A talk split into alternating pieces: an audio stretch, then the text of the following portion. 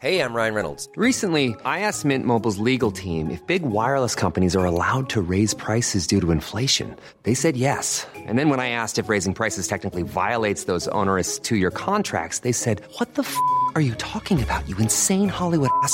F- So to recap, we're cutting the price of Mint Unlimited from $30 a month to just $15 a month. Give it a try at mintmobile.com slash switch. $45 upfront for three months plus taxes and fees. Promo rate for new customers for limited time. Unlimited more than 40 gigabytes per month. Slows. Full terms at mintmobile.com.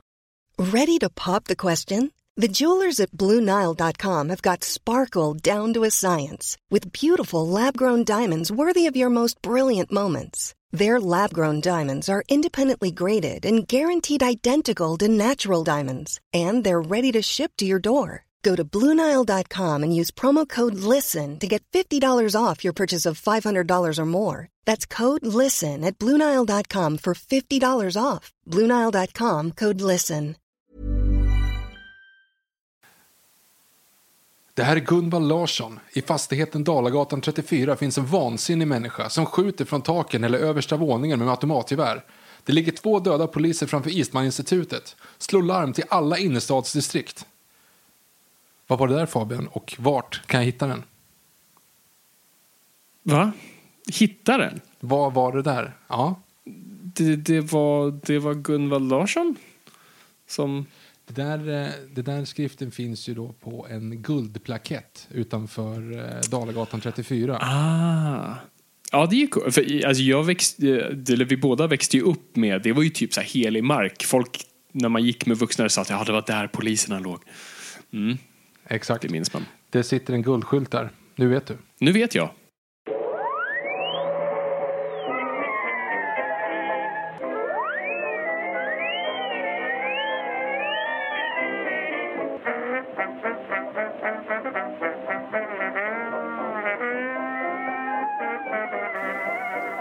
Då börjar jag i stort sett bara. Hej och välkomna till Nörden och jag. Jag som är nörden Fabian Nordlander. Och det är jag som är jag, Viktor Engberg. Det här är podcasten i samarbete med Acast. Vi pratar nördämnen, nördkultur, i slags bildande syfte. Jag försöker bilda Viktor i saker han tycker om men inte vet så mycket om.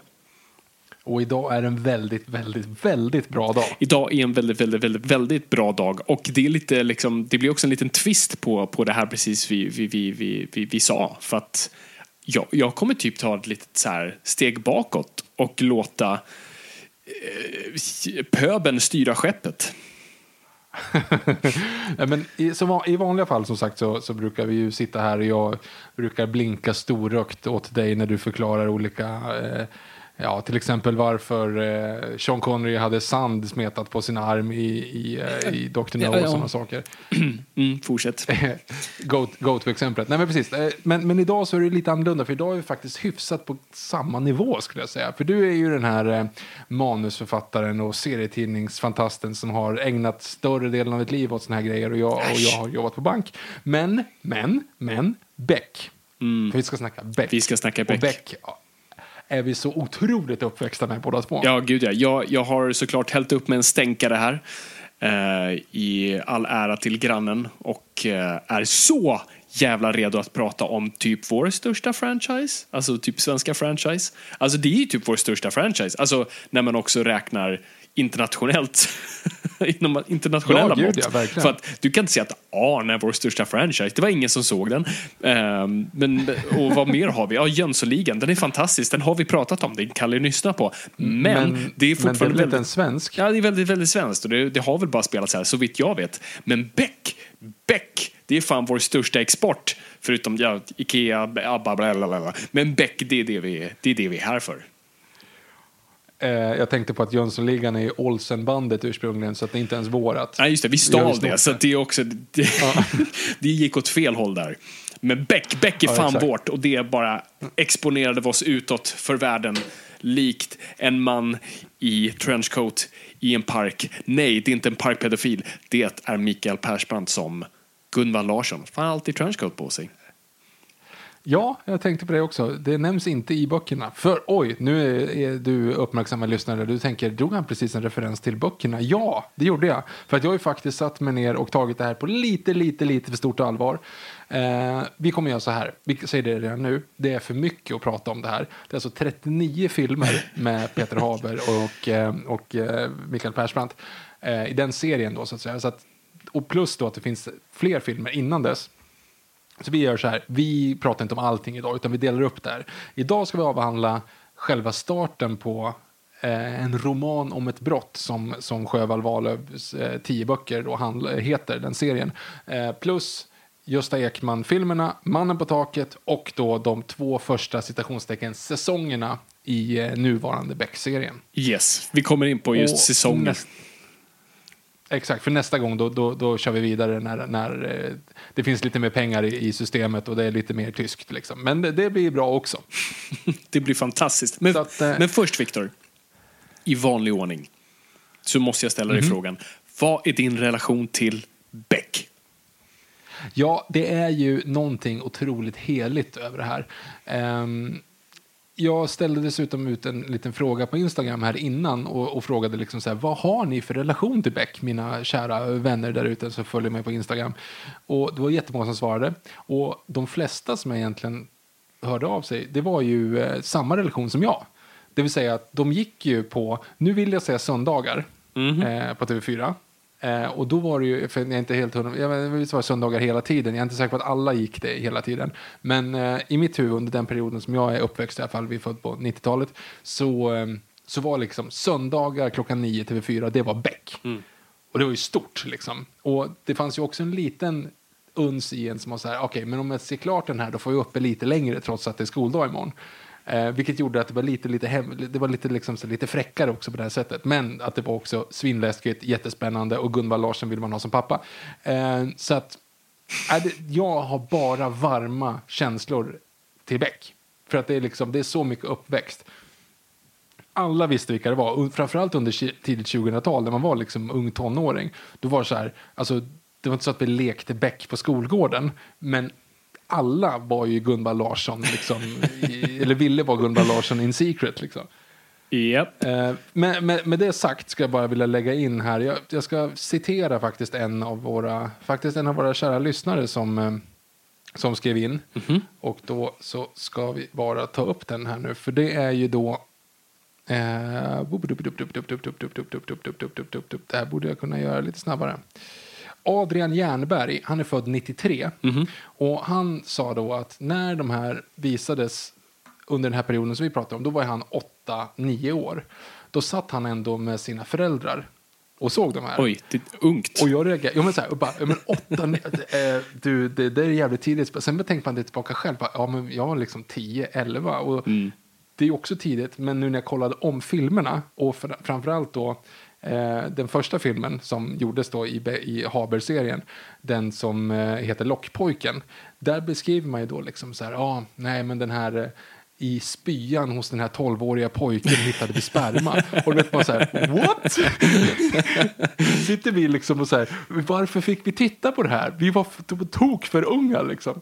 Eh, och och ja. var, han påpekade just den, det citatet, var så här, oh shit, det är ju fan helt jävla sjukt att vi ändå på något sätt så här, det är familjeunderhållning med liksom mord och, och våldtäkter och allt sånt där. Men, liksom, men det kändes som att, jag vet, jag vet inte, man, man tänkte inte på det då. Nej, jag tror det bara flög över huvudet på en för man bara tyckte det var coolt. Och Ja. Och det var en lång utläggning på, på ditt, din fråga här nu Fabian, men vad är din relation till Beck? Nej, men det är lite liknande. Alltså, Beck kom med modersmjölken nästan. Nej, men jag, vad, vad, vad det främst var, var...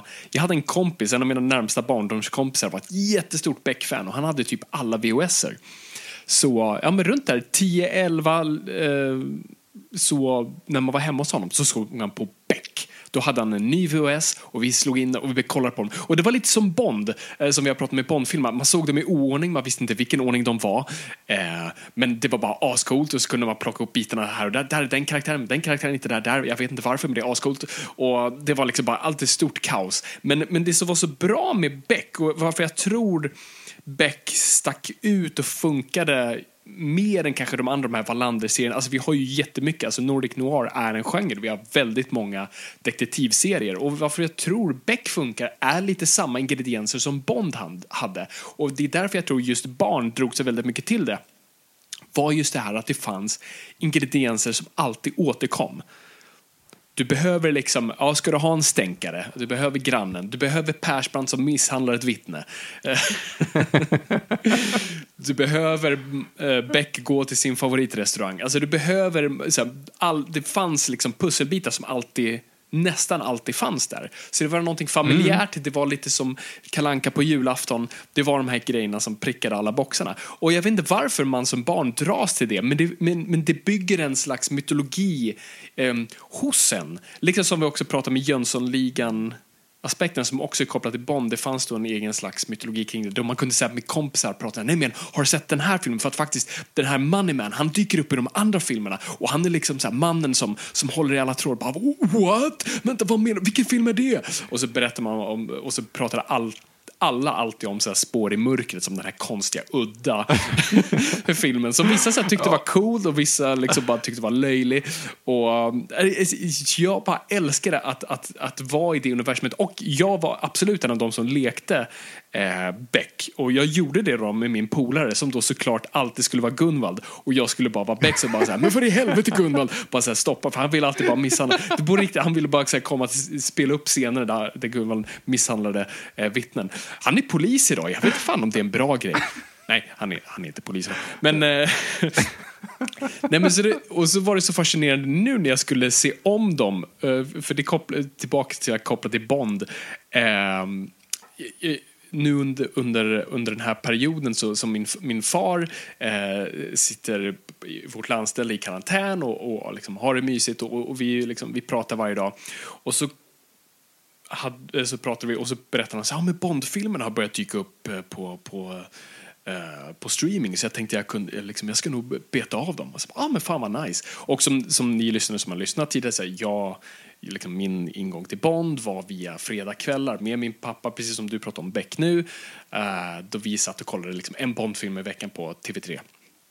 Och så några, några dagar senare så, så pratade vi igen och, uh, han säger, och jag frågar ah, hur går det med Bondfilmerna? Och han tyst en stund och sen stor suck. Bara, ah, nej fan, de är inte så jävla bra alltså.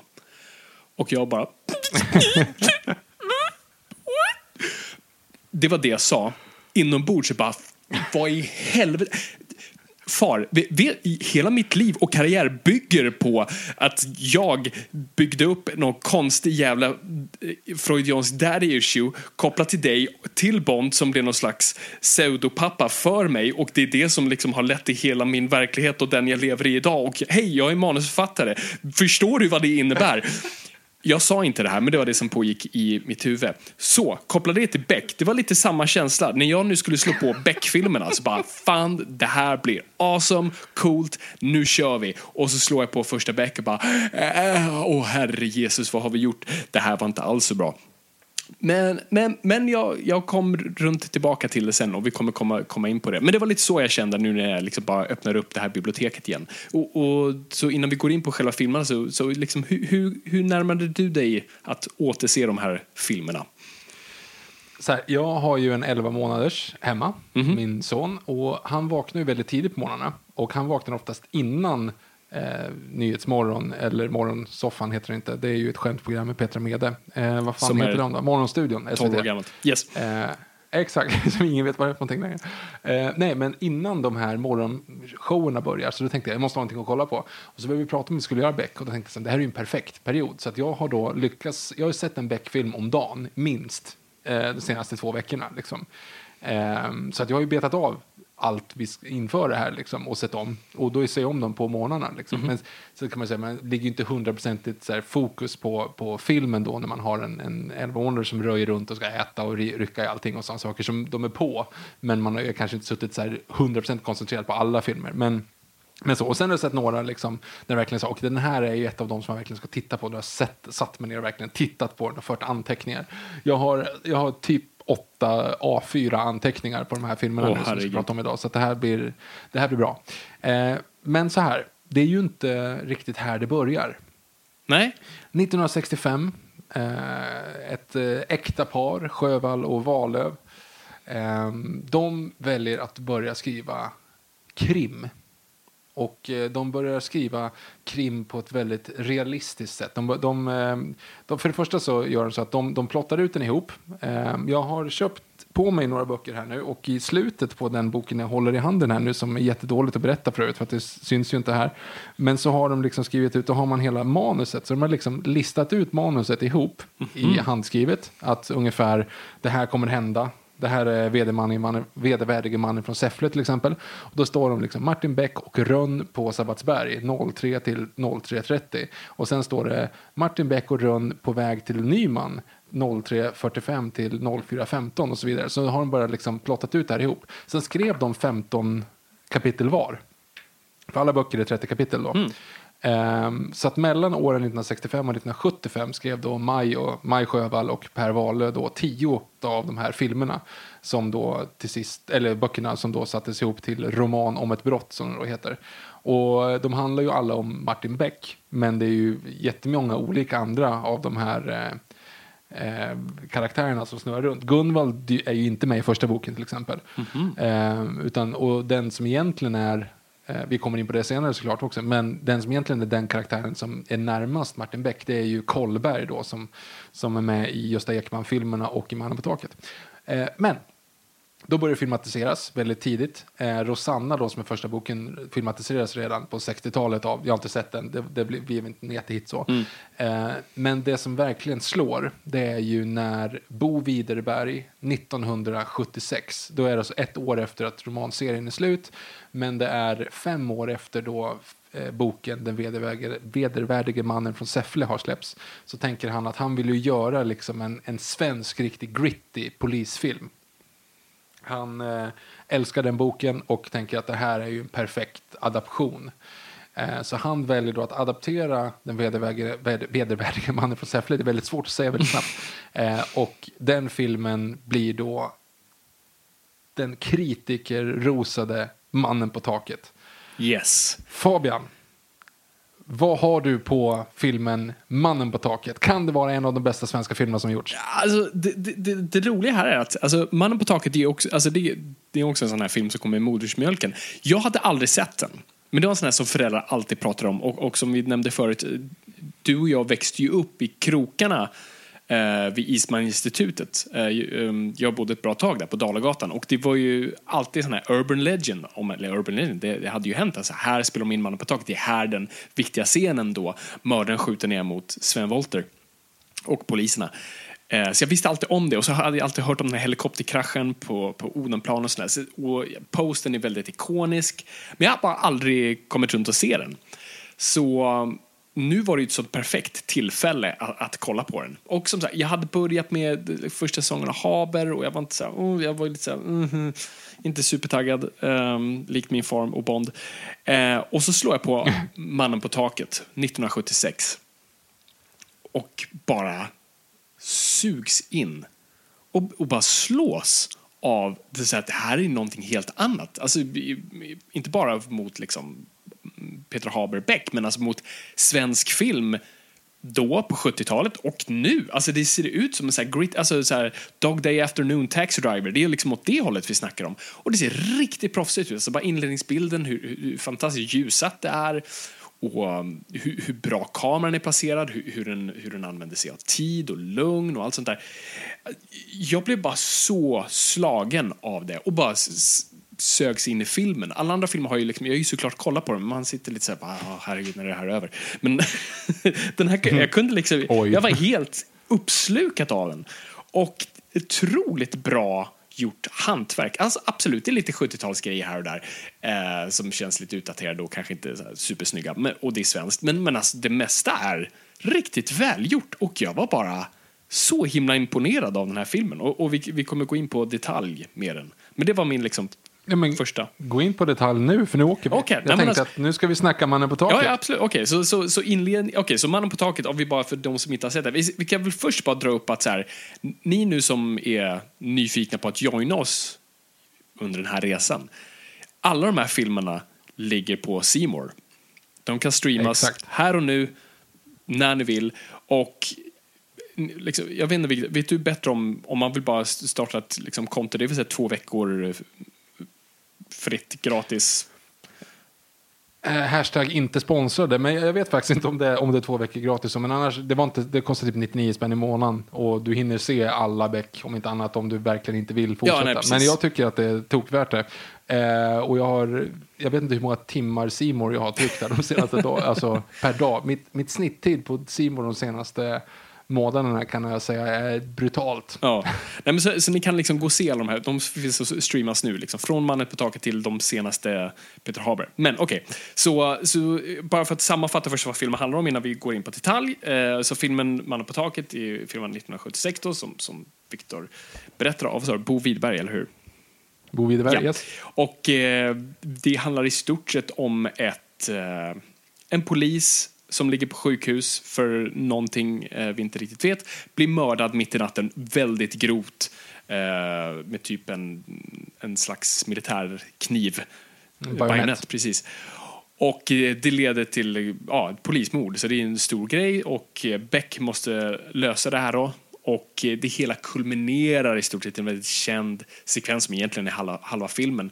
Då den här mördaren sätter sig på ett tak i centrala Stockholm och bara skjuter ner poliser. Så samtidigt måste de lösa vem det här är och samtidigt liksom fånga honom. Det är egentligen det stora hela. Så, inledningen är ju stort sett det här mordet. Så vi ser först bara en, en mörk bild i kontrast där, där en person sitter vid ett skrivbord och, och ser ut att pyssla med någonting. Och sen klipper vi till sjukhuset till den här polisen. Och ja, men jag, var, jag var lite så här, ja men fan det här var rätt snyggt fotat, det här ser rätt bra ut. Och sen så liksom det byggs upp stämning och vi märker att den här mördaren har klivit in genom fönstret i den här polisens rum. Och det är en otroligt snygg bild när vi ser på ögat på förövaren mellan gardinerna. Och det var då jag först bara hajade till. Bara, Oj, hur fan gjorde de det där? Nummer ett är det svårt att göra och för det andra är det bara jävligt snyggt. Eh, vilket då fick mig säga, ah, det här är väldigt olikt. Det var nästan som hans ögon var, vet, som en vildkatt i natten som, som vars ögon reflekteras. Riktigt cool effekt. Och sen då sker själva mordet. Och jag, alltså, hade jag haft dryck i munnen så hade jag bara spottat ut det i en sån här perfekt komeditake. Bara, pff. och, jag, och jag sa bara, vad i helvete? Alltså jag har aldrig sett så mycket blod i en film. Alltså Dario Argento och Wes Craven skulle blunda av skam och förvåning över hur mycket blod när den här bajonetten kommer ut och hugger den här polisen. Alltså jag bara, åh herre jävlar. Och, eh, Ska, yes. Jag ska bara säga att eh, de, de, när de spelade in det där så använde de riktigt grisblod. Och det gick åt åtta liter per tagning Jävlar. och de gjorde det ganska många gånger. jag kan tänka skulle mig det. Ja. För att när de tvättar bort det så ser det ut som riktigt blod som har koagulerat. Det är en bra detalj. Jag, jag skulle inte vilja bli för mycket eh, dra till den här tropen i det här avsnittet, men jag kommer göra det ändå. Det här är eh, den sekvensen ifrån boken Den vedervärdige mannen från Säffle. Det här är alltså, mannen ligger i sjukhussängen och ser då en man komma in, komma in mot honom. Den sjuke kände genast igen honom och började öppna munnen för att vråla. Det tunga bajonettfästet träffade honom över munnen och han kände läpparna trasas sönder och lösgommen knäckas. Och det var det sista han kände. Resten gick för fort. Tiden rusade för honom. Det första hugget träffade i höger sida av mellangärdet alldeles nedanför revbenen och bajonetten sjönk in ända till fästet. Ska jag flytta sida? Den sjuke stod fortfarande upprätt med tillbakakastat huvud när mannen i lumberjacka höjde vapnet för tredje gången och skar av honom halsen från vänstra örat till det högra. Det kom ett bubblande, svagt, väsande ljud ur den öppna luftstrupen. Inget mer. Punkt. Det är exakt så den också går till i filmen, vilket är lite intressant. För det är ju munnen, vänster revben Ja, och sen så kör han en sån där eh, Braveheart-grej. Liksom. Exakt. Eh, och det är otroligt grovt. Ja, ja. Ehm, trots att det liksom klipps bort sig. Alltså man är ju tok chockad. Mm. Ehm, men sen då så får man ju följa, som säger, förlåt, fortsätt du. Men eh, själva storyn i sig, det kommer ju väldigt lång tid om vi går igenom alla stories i de här, Ja, nej, de här absolut. Vi ska, jag, jag, jag tror vi har sammanfattat det där. Men, men det coola är där, så sen, sen strax efter det så, så eh, presenteras vi för Martin Beck. Och det är här, nu kommer vi till liksom det, det fantastiska. För att vi, vi möter Martin Beck, han är betydligt äldre än Haber-versionen. Sitter och, och konstruerar en båt, eller hur? Om jag inte blandar ihop filmer nu. En sån här liten, alltså en liten modellbåt, typ som en sån här flaskskeppsbåt. Och i bakgrunden har vi, kan du berätta vad det är för musik vi hör? Viktor? Nu när jag tänker efter så vet jag faktiskt inte. Det är typ Hoola Bandoola Band. Jag tänker att det är någonting som du Tycker- Ja, ja, men det är något åt kanske det. Jag- jag det är tänkte inte- svensk progressiv hippie-rock liksom. Politisk Mm. och alltså. Och hans dotter kommer ut. Och han säger till sin dotter så här, spelar den där musiken bara för att göra mig arg? Ehm, och det är där jag fattar, okej, okay, den här filmen handlar om det gamla Sverige som ersätts av det nya Sverige. Och det sammanfattas så jävla snyggt, för sen klipper vi tillbaka till sjukhuset då liksom, mordet anmäls och eh, den första eh, polisen, detektiven, kommer och tittar. Och eh, han öppnar dörren, tittar, kan knappt se det, så han måste ta på sig glasögonen. Vilket är så, alltså det här är nu är det filmvetaren i mig som bara, ah oh shit, det här är alltså, det här, det här våldet är så nytt så den gamla världen kan inte ens se det. Eh, och det är därför han måste ta på sig glasögon. Och, och, och, han, och han säger så här, jag har varit polis i 20 år och jag har aldrig sett något sånt där. Så, så, den, så hela filmen i stort sett pratar om hur det gamla Sverige ersätts av det nya. Så alla poliser, är, eller inte, alltså alla Beck-poliser och är nästan bara alla gamla och kan knappt förstå sig på den nya kulturen som kommer. Och vi ser det hela tiden, massa hippies och eh, proggare som si- sitter i, i dagsfinkan och eh, klagar på grisjävlarna. Och eh, det, det är så cool, det, är liksom, det, det skriker inte, det, alltså för svensk film är nästan aldrig subtil. Eh, den skriker antingen rakt ut eller så har den absolut ingenting att säga. Det finns sällan en mellanmark. Och det är det som gjorde mig så glad med Mannen på taket, för den verkligen hade ett subtilt budskap som fanns där om du ville hitta det, men det skrek det inte i ansiktet. Och eh, det tyckte jag var så satans jävla coolt. Eh, och det är det hela filmen handlar om. För sen har du ju liksom, för, för du har ju då Sven Wollter-karaktären som jag trodde var Gunvald, men det är ju inte. Det är Karlberg. Det är Karlberg. Så du har, du har Karlberg och Gunvald som är de nya unga poliserna. Och eh, de har ju betydligt mer förståelse för eh, morden och människorna och liksom att klä sig ungt och hippt. Alltså bara, ja, vi har ju pratat om det här många gånger och vi kanske ska ta upp det här nu. Eh, Nalle Puh-sekvensen. Så vi introduceras ju till Sven Wollter, eh, den unga hippa polisen. Och hur vet vi att han är ung och hipp? Jo, han har ett väldigt, eh, vad ska man säga, eh, jag hittar inte orden för det slags Jag vet inte, jag är lite rädd för vad du ska säga nu. Nej, men jag, jag, jag vill bara säga, något finare ord för hippieaktigt. Alltså lite mer Jaha, jag trodde du skulle beskriva någonting. Nej, ja, bra, det, vi kan komma till det, men det vill jag inte. Men vi introduceras i stort sett till Sven Wollter i bar underkropp och tröja. Eh, Och långärmat! Ja, så Varför sover han i osexigaste du kan tänka dig. Det fattas bara att han har tubsockor också. Vilket han kanske har, vi ser inte så långt ner. Ehm, vi, vi, vi introduceras till honom när han väcks av sin bebis som har skitit på sig medan hans fru sover och han går och tvättar barnet, vilket också säger att pappan tar mer ansvar i hemmet. Och sen går han tillbaka till sin fru och de har lite morgonroligt medan barnet är i rummet. Och det är ju i stort sett ett, då ett modernt förhållande. Det här är en modern människa som är liksom hipp till tiden. Jag känner mig gammal när jag tittar på det. Eh, och det får mig liksom, samtidigt som jag beundrar det så blir jag också lite så här, ah, ja, jag hatar svensk 70-tal. Alltså för mig, svensk 70-tal är en sån mörk period. Och det, det har tagit mig till, till en term som jag nu har börjat använda mer och mer, vilket är kokt falukorv. Att saker luktar kokt falukorv. Svenskt 70-tal luktar kokt falukorv. Och det, alltså, bruna tapeter, pastellfärgade overaller luktar kokt falukorv. Det finns även moderna saker som gör det. Så här, jag, jag, jag ska inte lägga någon värdering i individen, utan jag bara, när jag ser på honom och vad han står för. Tegnell, kokt falukorv. Du har, du vet sådana här blåa kulspetspennor, du vet så här, som är av plast, du vet som du kan trycka ner och sen är det som en spak på sidan sen när den flöpar upp igen. Kokt falukorv. Ananas i burk, kokt falukorv. Kassler i ugn, kokt falukorv. Och på något sätt, hela den här filmen stinker det kokt falukorv, fast på ett charmigt sätt i detta fall. Annars hatar jag det. Ja, ja, ja, ge mannen litteraturpriset här och nu. eh, nej, men, Nej, men, ja, det, det är verkligen ja, nej, men det, det är verkligen speciellt, för den scenen har ju vi raljerat lite grann över tidigare i, Ja, podden. ja. Alltså just det här att, att Sven Wollter vaknar och är fullt påklädd från naveln uppåt, men liksom, ja, som du säger, eh, Nalle Puh-kostym. Ehm, men precis i kontexten av vad hela filmen gör så funkar ju det svinbra. Alltså det är någonstans det är någonstans där, det är typ meningen att man ska komma in där och vara lite äckligt naken. Och det funkar för det är så här, det är lite så här, jag tänkte på det, jag tänker inte patentera det för att jag, jag vet att jag inser när jag säger det att det finns säkert 40-100 miljoner andra exempel. Eh, det är ju contagion-receptet. Det vill säga, du inleder en film med att döda ett barn och din största skådis. och, alltså det är så här, du, du sitter på helspänn i resten av filmen efter det. Ja. Eh, och jag menar inte att man, man kommer att sitta på helspänn efter att ha sett Sven Wolters penis. Nej. Men, men det som är grejen är att när du ser det så är det så här, oh jävlar vad grafiskt, det här är verkligen på riktigt. Det här är som att du sitter och filmar i någons vardagsrum.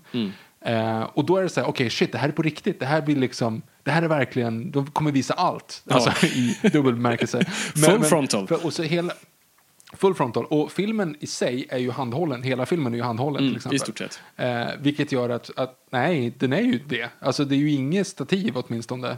Jag tänkte bara du- inledningsbilden alltid- kanske. du har nog rätt. Jag, tänk, jag tänkte väldigt mycket på fotot, men jag tänkte faktiskt inte så mycket om det var liksom fast eller rörlig kamera.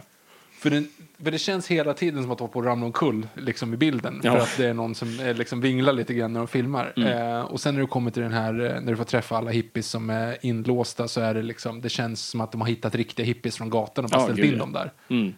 Ja, det är Eh, helt det, är här, det, det, det där är fantastiskt sminkat eller så har de hittat en narkotikapåverkad liksom, man som sitter där och bara sluddrar. Det är verkligen, alltså, det är, och det ser man ju inte så ofta. Jag menar, det, kommer, det kommer att komma några, jag vet inte om du har kommit så långt än, men i tredje säsongen så kommer det, i Haber-filmen så kommer det komma lite uteliggare och man tänker så här, nej, det är statist.com och sen så sota lite, ja, men, ja just det, pissbosse. Ja.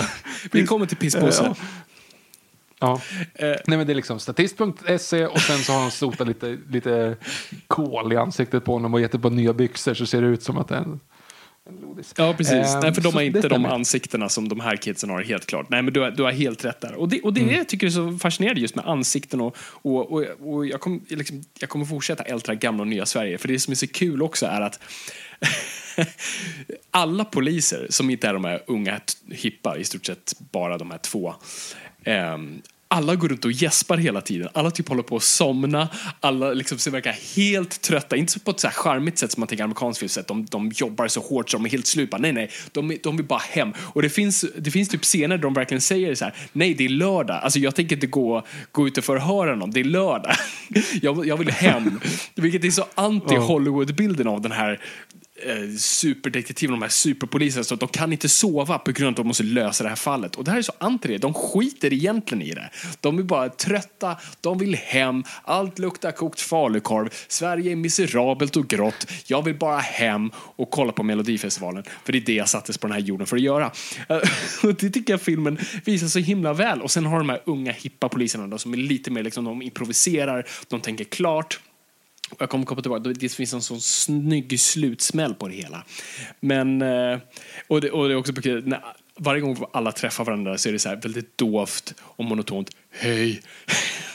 så fort någon liksom öppnar dörren någonstans eller någon träffar så bara hej! Ja, det är, och det är väldigt dåliga karaktärsintroduktioner sett till namnen. Mm. Du vet ju inte vem Gunvald Larsson är förrän typ halva filmen. Ja, nej, Han har varit med, men det är ingen som har sagt hans namn. Nej, gud nej. Jag hade inte reflekterat egentligen på någon sån karaktär om jag inte visste att det var, det här är Gunvald, shit. Eh, och jag hade ju verkligen tänkt, alltså Sven Wollter var ju nog ganska perfekt för att spela Gunvald som jag ser det, men jag ser det ju fortfarande via Persbrandt-filtret. Och det är väl kanske, jag vet inte, eh, kan du, hur är, hur är Persbrandt i böckerna? Jag skulle vilja återigen läsa ett litet kapitel. Jag, vet, jag förstår ni som inte har sett den här filmen eller som inte har relation till den här och bara väntar på Haber-serien. Ni, ni, eh, det, det kommer Vi snart där. Så här, jag hittade ett, jag hittade ett uh, litet stycke här i eh, samma bok nu. Den tredje, bok, tredje gången jag läser ur samma bok eh, under en halvtimmes podd. Det här är alltså introduktionen för Gunvald Larsson. Så att eh, luta er tillbaka och, eh, och sen skulle vilja höra lite, grann, lite, lite reflektioner kring det här Fabian. Japp. Eh, Vi ska lägga in också, hela boken, fantastisk bok för övrigt, mm. Vedervärdigmannen på Säffle. De, det enda som händer typ är att första delen av boken, det är ju mer eller mindre ordagrant från filmen. Men det man missar är ju inre monologerna på Beck då som bara tokhatar Norrmalmsregleringen. alltså han liksom, det en, halva boken typ är bara så här klagomål på hur jävla fult det är nere i centrum nu, att de har rivit de gamla Klara-kvarteren. Ja. Eh, och den är ju då skriven 71, vilket är mitt i regleringen. Ja, så det är liksom topical. Mm. Men staden vaknade, gäspade och sträckte på sig. Så gjorde även Guldvall Larsson. Vaknade, gäspade och sträckte på sig. Sen la han en stor luden hand på den elektriska väckarklockan, slog undan filten och svängde sina långa lurviga ben ur sängen. Han tog på sig nattrock, tofflor och gick bort till bordet för att kolla vädret. Fönstret för att kolla vädret, jag läste fel. Uppehåll, halvklart och tre plusgrader. Förorten han bodde i hette Bollmora och bestod av några höghus ute i skogen. Sen tittade han i spegeln och såg en mycket stor blond kar. Fortfarande 1,92 lång men numera vägande, vägande 105 kilo. Han blev lite tyngre för varje år och det var inte längre enbart muskler som bullnade under det, under det vita sidentyget. Han var i fin trim och kände sig starkare än någonsin, vilket inte ville säga lite. Han stirrade några sekunder in i sina egna porslinsblå ögon under rynkad panna, strök tillbaka det ljusa håret med handen, drog isär läpparna och granskade sina stora händer. Tänder, kan inte läsa. Hämtade morgontidningen i brevlådan och trädde ut i köket för att tillreda frukost. Han lagade te, twin, Twinnings Irish Breakfast, rostade bröd, kokte två ägg, tog fram smör, cheddarost, skotsk marmelad, tre sorter. Han bläddrade igenom tidningen medan han åt. Sverige hade misskött sig i världsmästerskapen i ishockey och lagledning, tränare och spelare underströk bristen på sportsmanship genom att utfara i offentliga beskyllningar mot varandra. Bråkade gjorde man också inom televisionen, där den centrala monopolledningen tydligen gjorde allt för att behålla ett fast grepp över de olika kanalernas nyhetsförmedling. Och de olika kanalerna då, ett och två, ska jag bara lägga in här. Ehm, censur, tänkte Gunvald Larsson. Med plastnam-laminerade vantar, typiskt för det kapitalistiska förmyndarsamhället. Eh, den största nyheten var att läsarna bereddes tillfälle att döpa tre björnungar på Skansen. På mindre framskjuten plats konstaterades resignerat att militärens undersökningar visade att repsoldater i 40-årsåldern var i bättre fysisk kondition än 18-åriga rekryter. Och på kultursidan, som inte var i riskzonen för obehöriga läsare, fanns en artikel om Rhodesia. Han, han eh, läste medan han drack sitt te, åt sina ägg och sex skivor bröd. Gunnar Larsson hade aldrig varit i Rhodesia, men många gånger i Sydafrika, Sierra Leone, Angola och Mosambik. På den tiden var han sjöman. Redan då visste han vad han tyckte. Han avslutade måltiden, diskade och kastade tidningen i soppåsen. Eftersom det var lördag bytte han lakan innan han bäddade. Han valde med stor omsorg ut de kläder han tänker bära den här, dag, den här dagen och la dem prydligt på sängen. Klädde av sig och gick ut i duschen. Hans ungkarlshem vittnar om god smak och sinne för kvalitet. Möbler, mattor, gardiner och allt från den vita italienska lädersoffan till de svängbara färg-tvn av märket Nordmende var, först, var förstklassigt. Gunvald Larsson var första assistent vid våldsroten i Stockholm och högre i klätterställningen skulle han aldrig komma. Egentligen var det konstigt att han inte redan fått sparken. Hans kollegor tyckte att han var egendomlig och nästan alla ogillade honom. Själv avskydde han bara, inte bara sina arbetskamrater utan också sin egen släkt och, en, och den överklassmiljö han växte upp i. Hans egna syskon betraktade honom som med djup avsmak. Dels på grund av hans avvikande åsikter men framförallt på grund av att han var polis. Då han duschade undrade om han skulle dö idag.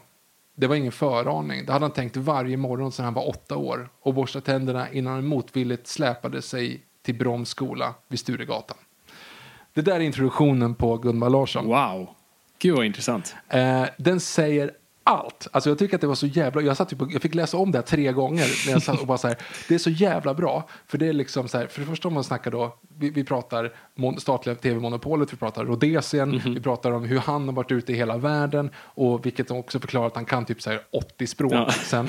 Eh, men också det är liksom, du beskriver han, han är ensam, ingen tycker om honom. Han viker ihop kläderna, väljer kläder innan han går i duschen. Eftersom det är lördag så byter han, du vet, han byter lakan. Ja, det, det finns någonting där som säger sjukt mycket om en karaktär. Verkligen. Och ingenting av det har ju översatts på Persbrandt. Nej, alltså, det intressanta där, i stort sett inte, förutom att okej, ögonen, han har likadana ögon, men det kan inte han hjälpa. Och eh, ja, många verkar inte tycka om honom. Det är väl i stort sett det. Men det jag gillar, vi kan komma in på det mer kanske med, med Persbrandts eh, Gunvald. Men det är just att så här, hans bakgrund är väldigt mystisk och han verkar väldigt världsvan. Och så här, man lite som i Bond, han är en veteran. Vi vet inte riktigt vad han har gått igenom. Och det gör det lite mystiskt. Och jag vill inte veta det, men jag vill se hintar om det här och var. Och eh, där fick jag lite svar. Fan vad coolt. Det, och jag, jag tycker inte man ser mer av det i Mannen på taket dock. Nej, nej, nej, nej, inget alls. Nej. nej, inte alls. Men jag menar bara i själva boken. För det där är ju, alltså Gunvald Larssons karaktär i de böckerna jag läst än så länge, det, det handlar ju om det där att han har ju, han har ju det gamla ehm, historien om flottan och han, Mm. eh, dels så var han först i flottan under kriget eftersom allting, de är alla är födda på typ 30, 20 och Ja, 30-talet just de här, med att de utspelas på 60-talet. Eh, Martin Beck är för övrigt född 1922 Oh shit. säger de. Eh, nej, men och, och, och allt det där är ju liksom, han har varit ute med för armén och sen när, när han inte var det längre så har han varit i handelsflottan. Alltså han har ju liksom varit sjöman i hela sitt liv typ. Och sen blev han polis. Så han skiter i människor typ. Eh, den enda han ja, men, eh, tolererar är ju typ Martin Beck. Ja. Ehm, vilket är lite så här, det är ju lite intressant för att så är det ju inte. Han är ju mer, han, i och med att han är så om, alltså Persbrandt är ju en omtyckt skådis och hans karaktär är en omträtt, eller omtyckt porträttering. Mm. Så blir ju han, ju längre de serierna går, han är ju inte utstött. Han gillas ju av de flesta på området, förutom hans chefer typ. Ja, jo, precis. Men i övrigt så är ju ingen det är ju ingen som inte gillar Gunvald. De tycker att han är lite så här, Lite charmig Han är okontrollerbar, men Ja, han är ju, exakt. han är ju lite charmig. Lovable. Men det här är ju, den här är ju bara liksom, jag vet inte, ehm, jag fortsätter, jag har en längre utläggning sen om Gunvald när vi kommer till Rolf Lassgård. Men, men har du någonting mer på Mannen på taket Ja, som alltså, du tänkte? vi, jag vill bara snabbt bara snacka med dig om, om Stockholmsskildringen. För jag har aldrig sett Stockholm Mm. porträtteras så här. Uh, varken i svensk film då eller svensk film senare. Alltså jag känner mig mer hemma. Som någon som, jag är uppvuxen i, i, i Stockholms innerstad. Liksom. Det, var, alltså, det var min bakgård. Norrmalm, liksom. det var där jag sprang runt och lekte. Eh, för på 90-talet så var det fortfarande liksom, man bara, de, folk släppte bara ut den. Ehm, så för mig var det jävligt coolt att bara se, framförallt alltså bara min bakgård, men också så här, fan, hur såg Stockholm ut på 70-talet? Fan vad skitigt det är! Alltså ah, fasaderna är äckliga och alltså, gud, det ser mörkt ut. Verkligen.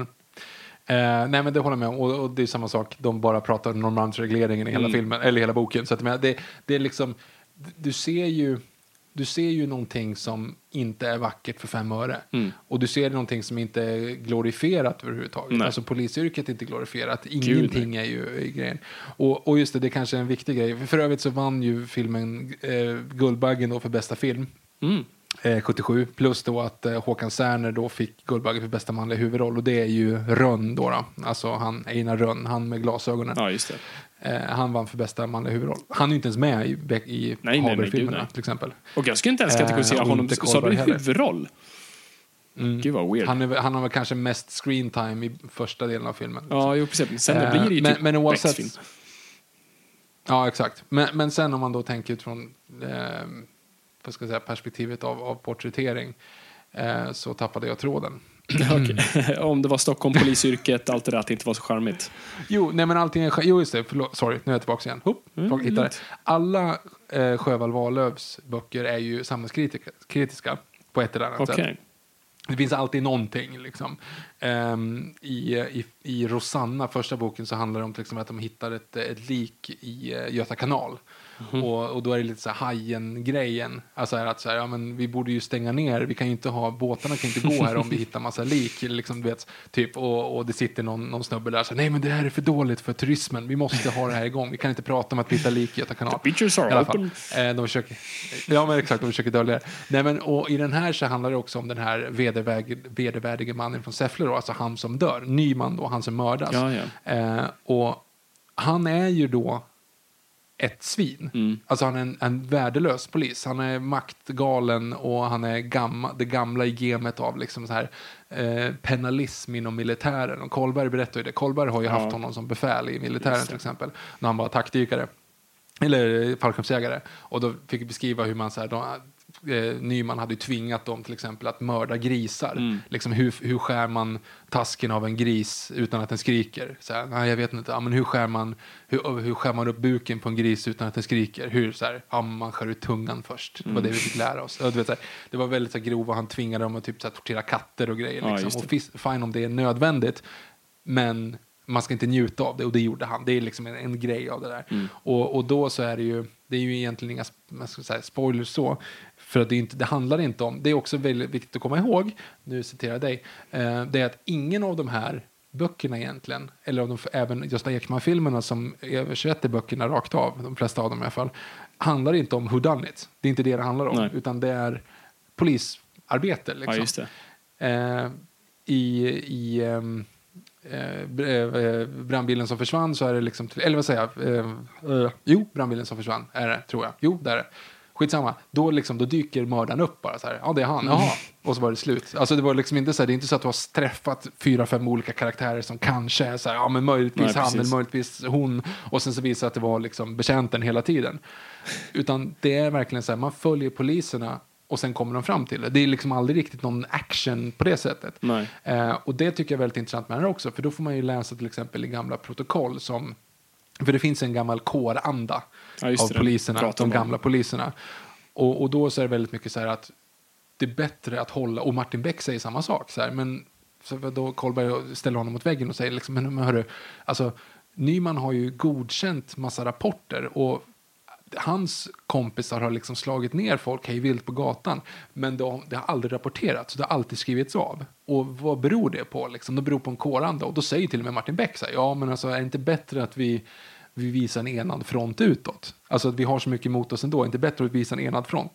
Men då har ju den här Nyman då, han har ju satt det i system. Eh, och man får läsa massa olika rapporter av hur han liksom då eh, har fått anmälningar mot sig som bara skrivits av av hans polare. Men en av dem där är ju en kvinna då som har haft sockersjuka och hon har glömt eh, sina tabletter och då får en seizure på stan. Vilket gör att två poliser kommer och griper henne för fylla och kastar in henne i en fyllecell. Och de typ orkar inte visitera henne så att de skiter i det. Och hon dör då i den cellen. Um, fast hon hade då en lapp där det står liksom jag är sockersjuk men de hade inte visiterat. Och det visar sig att hon är då eh, fru till en polis. Eh, som heter Åke, som jobbar, där på avdel- eller jobbar på ett annat ställe på avdelningen. Då. Och Nyman skriver av det här som att Nej, men det var ingen mening, det var liksom inte, vi hade inte kunnat göra nå- någonting, liksom, skit i det här. Och sen då så är det liksom små fler grejer som sker som får liksom bägaren att rinna över för den här mannen då som fick sin, som vars fru dog. ehm, som Nyman ligger bakom och det är där att det börjar liksom finns en hämndstory bakom alltihop. Men det är ju inte egentligen, det viktiga är ju inte vad som har hänt mot den här mannen utan det är ju och det är ju, nu gissar jag lite grann, men jag antar i och med att de är ganska väl researchade i övrigt så är det ju säkert någonting som fanns då. Det fanns säkert en, en, ett, ett hat mot polisen. Det räcker med Ja, att se gud, på ja. tiden nu, liksom under hela den här perioden med almarna och, och allting. Liksom, poliser var inte värda vatten. Ehm, Nej. så det finns ju en, en ganska intressant vinkel kring att poliserna är inte riktigt hjältarna på ett sätt. Till och med de vill inte ens vara där. Eh, det, det, är ju, det är ju jättemycket sådana saker. Ja, gud ja. Men Det är ju Eh, stort sett koll- det hela Mannen på taket handlar om. Och också bara för att koppla tillbaka till det du sa där, just om hur själva mordet egentligen inte spelar någon roll. Och det är samma sak på Mannen på taket. Just det här, mördaren får vi reda på vem det är ganska snabbt. Intressant nog så får vi aldrig se hans ansikte. Det är spoilers, eh, vi slutar på hans ansikte. Ehm, och, eh, Och det är grannen för övrigt i de senare Beck-filmerna. Hirdwall. jaha, va? Mm, det är han som spelar, ja, Det har jag det är han som spelar helt grannen missat. i resten av. Gud vilken bra Ja. trivia. Shit, det där blow Ja, my mind. Jävlar. Oj. Men det är det som är så sjukt man ser den nu. Som så här, jaha, de höll på att så här, kolla det är grannen i Beck. alltså, eftersom de håller på hans ansikte till sista scenen. Man säger, men varför, vad var syftet med att hålla på hans Så det är ansikte därför annars? han liksom? har ett nackstöd. Uh, Exakt. nej, men, men det är inte så här, och, och det, det fi- också till poliserna där. Alltså den scenen, är det, Hult, eller vad heter den polisen? Holt, Hult. Den här. Hult som sitter hemma och exakt. tittar ut genom Det är en fönstret. så ja. jävla Ja. bra scen. Hur han pratar om i stort Mm. sett, för han var i stort sett polare med den mördade polisen. Och Beck kommer dit för att fråga honom bara om, om hatet kring då den mördade polisen. Och han håller världens tal om hur han blev spottad på och spydd på. Liksom. Han har torkat blod av sig och bytt blöja på ett, en bebis vars mamma precis tagit tjack. Liksom. Och eh, pratar om varför i stort sett varför han förtjänar bete sig som han gör. Eh, varför han får vara, alltså varför han är en hemsk polis och varför hans polare var en hemsk polis. Och så är det som bra vändning där. För då har Beck inte förklarat att hans polare har mördats utan bara liksom, att han har dött och polaren tror att han dog av naturliga orsaker. Men så säger Beck då efter han har hållit sitt där tal bara Ja, jag skulle också bara nämna att han mördades. Vilket så snyggt bara ramar in hela hans monolog om att ja, du har precis förklarat varför det skedde. Och eh, det är så himla bra Men scen. det, ja. Men, ja, men det snyggaste då det är att han bara ställer sig upp. Mm. Han, sitter, han ställer sig upp då och bara tar på sig sin uh, ytterjacka, Ja, polisjacka och hatt. Och, bara, Max, och Beck säger, men vad gör du? Var ska du? Jag ska till jobbet. Och då är han ju ledig, för det är lördag. Ja, men han precis. går ändå till jobbet. Liksom, Exakt, han har alltid sin uniform på sig. Ja, det är jättecoolt. Vi, vi, vi ska inte prata allt för länge om den här filmen. Vi måste ju prata om den mest kända scenen, helikopterkraschen. Ja. Alltså jävlar. Alltså visst, de, de klistrar ihop jävligt mycket för att liksom, sälja det. Men fan, det är intensivt. Och det är många gånger, hur fan Mm, filmar de där? Och hur dog ingen? Alltså det är ju så här, det är ju bilder på polishelikoptrar i Stockholm, helbilder, då de bara är sjukt nära fasader och bara snurrar omkring. Det är som inledningen på Spectre. Ja, jag såg en, hur de gjorde den där scenen när de kommer, när flickan i fönstret Ja. till exempel. Där har de ju, det är ju inget riktigt fönster. Nej, det är bara en eh, utan är ju- dubbelexponering, antar jag. Exakt. Mm. Nej, inte en dubbelexponering, utan de ställde dit typ som en papp plywoodskiva som ser ut som ett fönster. De filmar inifrån när helikoptern kommer mot fönstret. Så Okej. står de ute typ så här på en öppet landskap, men de har då den här liksom plywoodskivan som ser ut som insidan av ett fönster. Ah. Så att de kan åka nära den utan att riskera att det faktiskt liksom spräng, sprängs. Ehm, och sen släpper de ju då en, en effing riktig helikopter ner på Odenplan. Liksom. Ja, det är helt sjukt. Och det syns. Alltså det, det ser så jävla grovt ut. Ännu en gång, jag typ så här gapade och skrek högt när jag såg det. Helt sjukt coolt. Eh, triv- trivia där var ju också att eh, inga försäkringsbolag ville ju täcka eh, den där kraschen. eh, för att du, du kunde liksom inte säga, ja, men, vad, hur ska du filma det liksom? Nej men hur ska du filma det? Liksom så här, vem, ska, vem ska våga vara så nära? Mm. Ja, så Bo Widerberg filmar det själv. Oh, alltså, han, han utsatte sig själv i den, den sitsen. Att han, det är han som, de farligaste citationstecken, vinklarna. Mm. eh, på den kraschen filmar han själv. Ja, det, För övrigt trivia är ju också att den lilla pojken som har bajsat, som eh, heter Johan, är ju Johan Widerberg, som för övrigt sen blir Didrik i Ebba och Didrik. han herregud, blir jag, jag trodde du skulle säga att det var. Persbrandt eller någonting. Nej, det hade varit kul, men det är inte han. Men eh, Ebba och Didrik, vet du vilka det är? Eh, känner igen, men... Han var för övrigt med i också, han har en cameo i Oceans 12 och han var med i en ganska dålig film som heter Vilken jävla cirkus. Fortsätt Fabian. Oh. Nej, men jag vill bara avsluta, och jag vill inte spoila filmen, men, jag, jag kommer dra en liten spoiler, men det är inte en stor spoiler, det är egentligen bara coolt i kontexten av filmen. Det finns en sån bra scen i slutet då de ska ge sig upp på taket för att liksom ha ihjäl eh, skytten. Och eh, då står eh, Gunvald med massa poliser som liksom, ja, vi, vi drar upp nu, tar er vapen, och så kommer typ en civil person och bara så här, får jag vara med? Och de bara, ja visst, här har du ett vapen. Eh, och han bara, ja, men jag har en egen, får jag gå och hämta den? Och bara, ja visst. Och så går han och hämtar det vapnet. Det är jätteweird. Men det, det faktiskt fyller en poäng, för sen kommer han ner med sin pistol och då ser man den, här gamla komis, poliskommissarien som står för det gamla Sverige.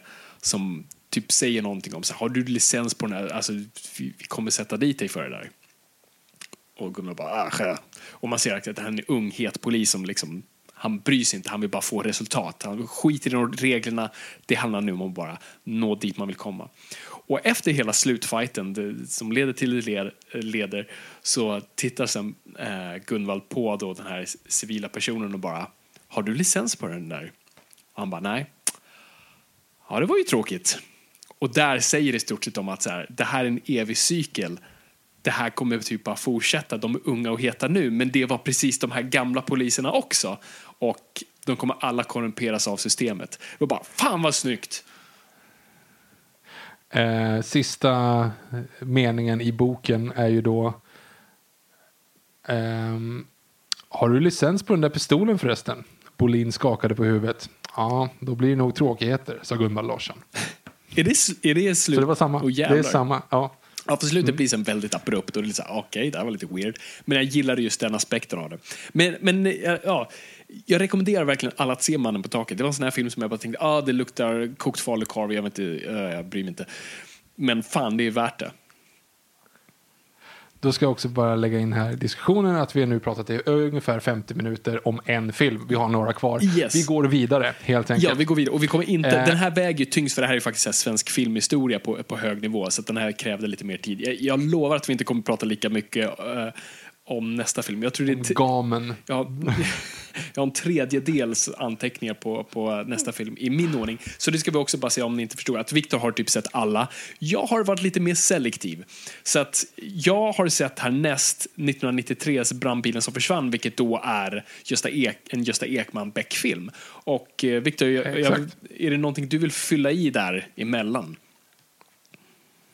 Eh, det jag skulle vilja säga framförallt med just Ekman-filmerna är att de är ju adapterade, förutom Stockholm Marathon så är ju de eh, adapterade rakt ifrån böcker. Vilket, ska jag skulle bara säga, jag, jag gillar de här. Jag hade inte sett så många innan. Jag hade sett Stockholm Marathon och jag hade sett någon till för att jag kände igen liksom en scen sådär. Eh, och jag kände, jag kände Mannen på balkongen kände jag också igen vissa scener i. Men det här var ju väldigt, väldigt länge sedan och jag visste inte att det var typ ens Beck troligen då när jag såg det.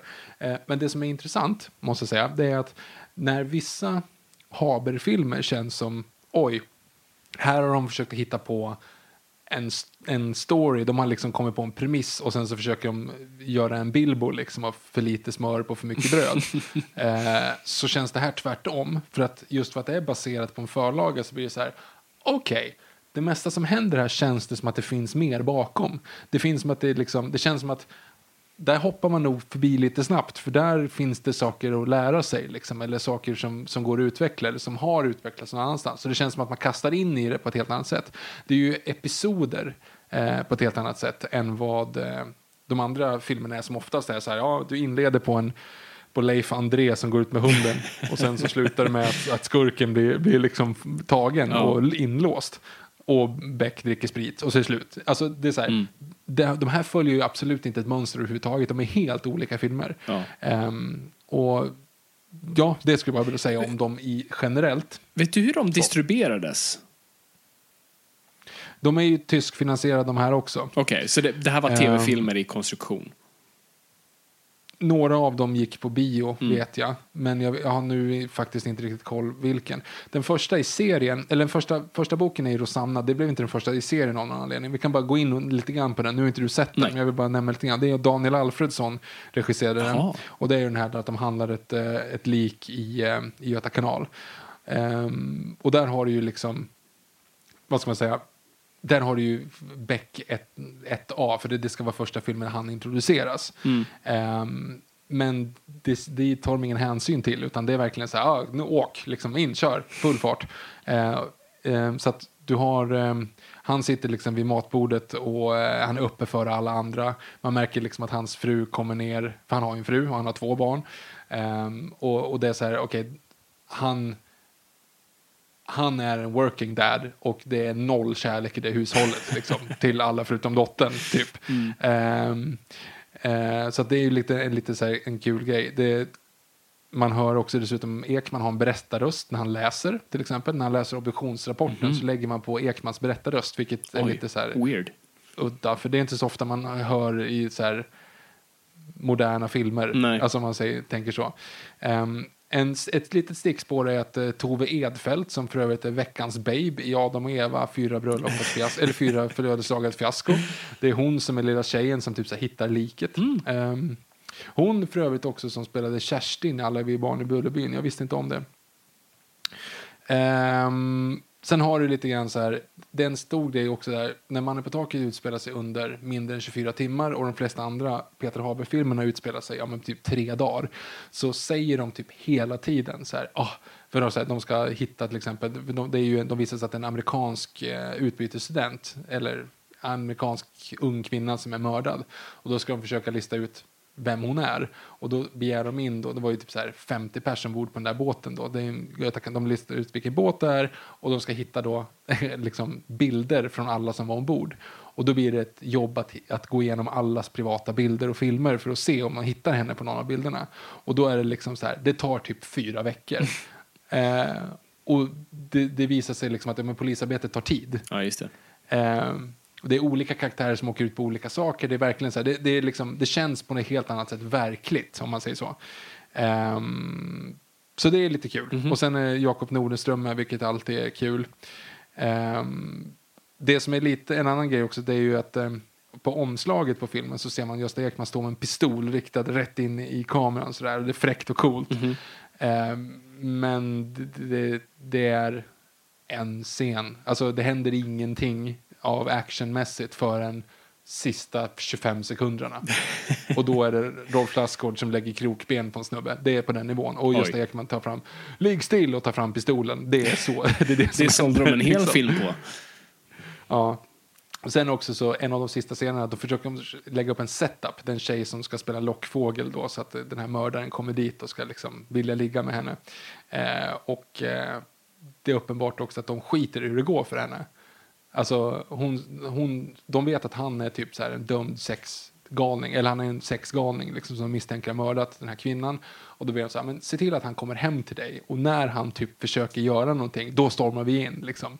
Så Kjell Bergqvist sitter på hans balkong och Gösta Ekman står ute i trappuppgången och sådana saker. Men sen då så händer allting och då säger hon bara så här, men hörni, vänta lite här nu. Hur hade det här gått till egentligen? När skulle ni gripit in? För jag menar, det, det är ju ganska... Här, han måste ju typ ha skadat mig innan ni skulle göra någonting, annars hade ni inte haft någonting på honom.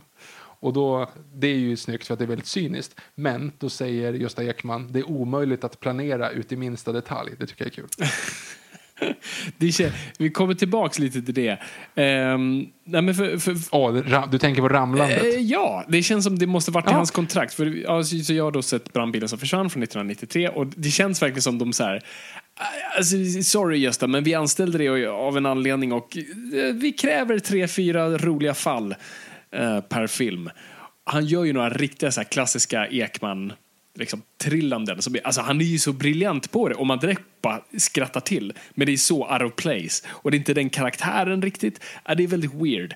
Um, men det är Gösta Ekman, du får vad du betalar för. Men, men, men en sak som jag, som jag reagerade på. Okej, okay, så brandbilen som försvann ska vi bara då snabbt recapa vad storyn är. Det handlar om um, ett hus som, de, som polisen bevakar eh, av en anledning jag nu glömt bort. Det är misstänkt om prostitution eller någonting. De tror att det är knarkaffärer. Ja, de tror att det är knark. De tror att det är knark. knarkaffärer. Mm. Och eh, eh, han som gillar att hänga på matbord med Helena, Helena Bergström vaktar det huset. Och, Jag hade, jag hade skrivit samma sak i mina anteckningar. Han som hänger på bordet med Helena Bergström. Fan vad sjukt. Ja. Vi, vi umgås för mycket, Viktor.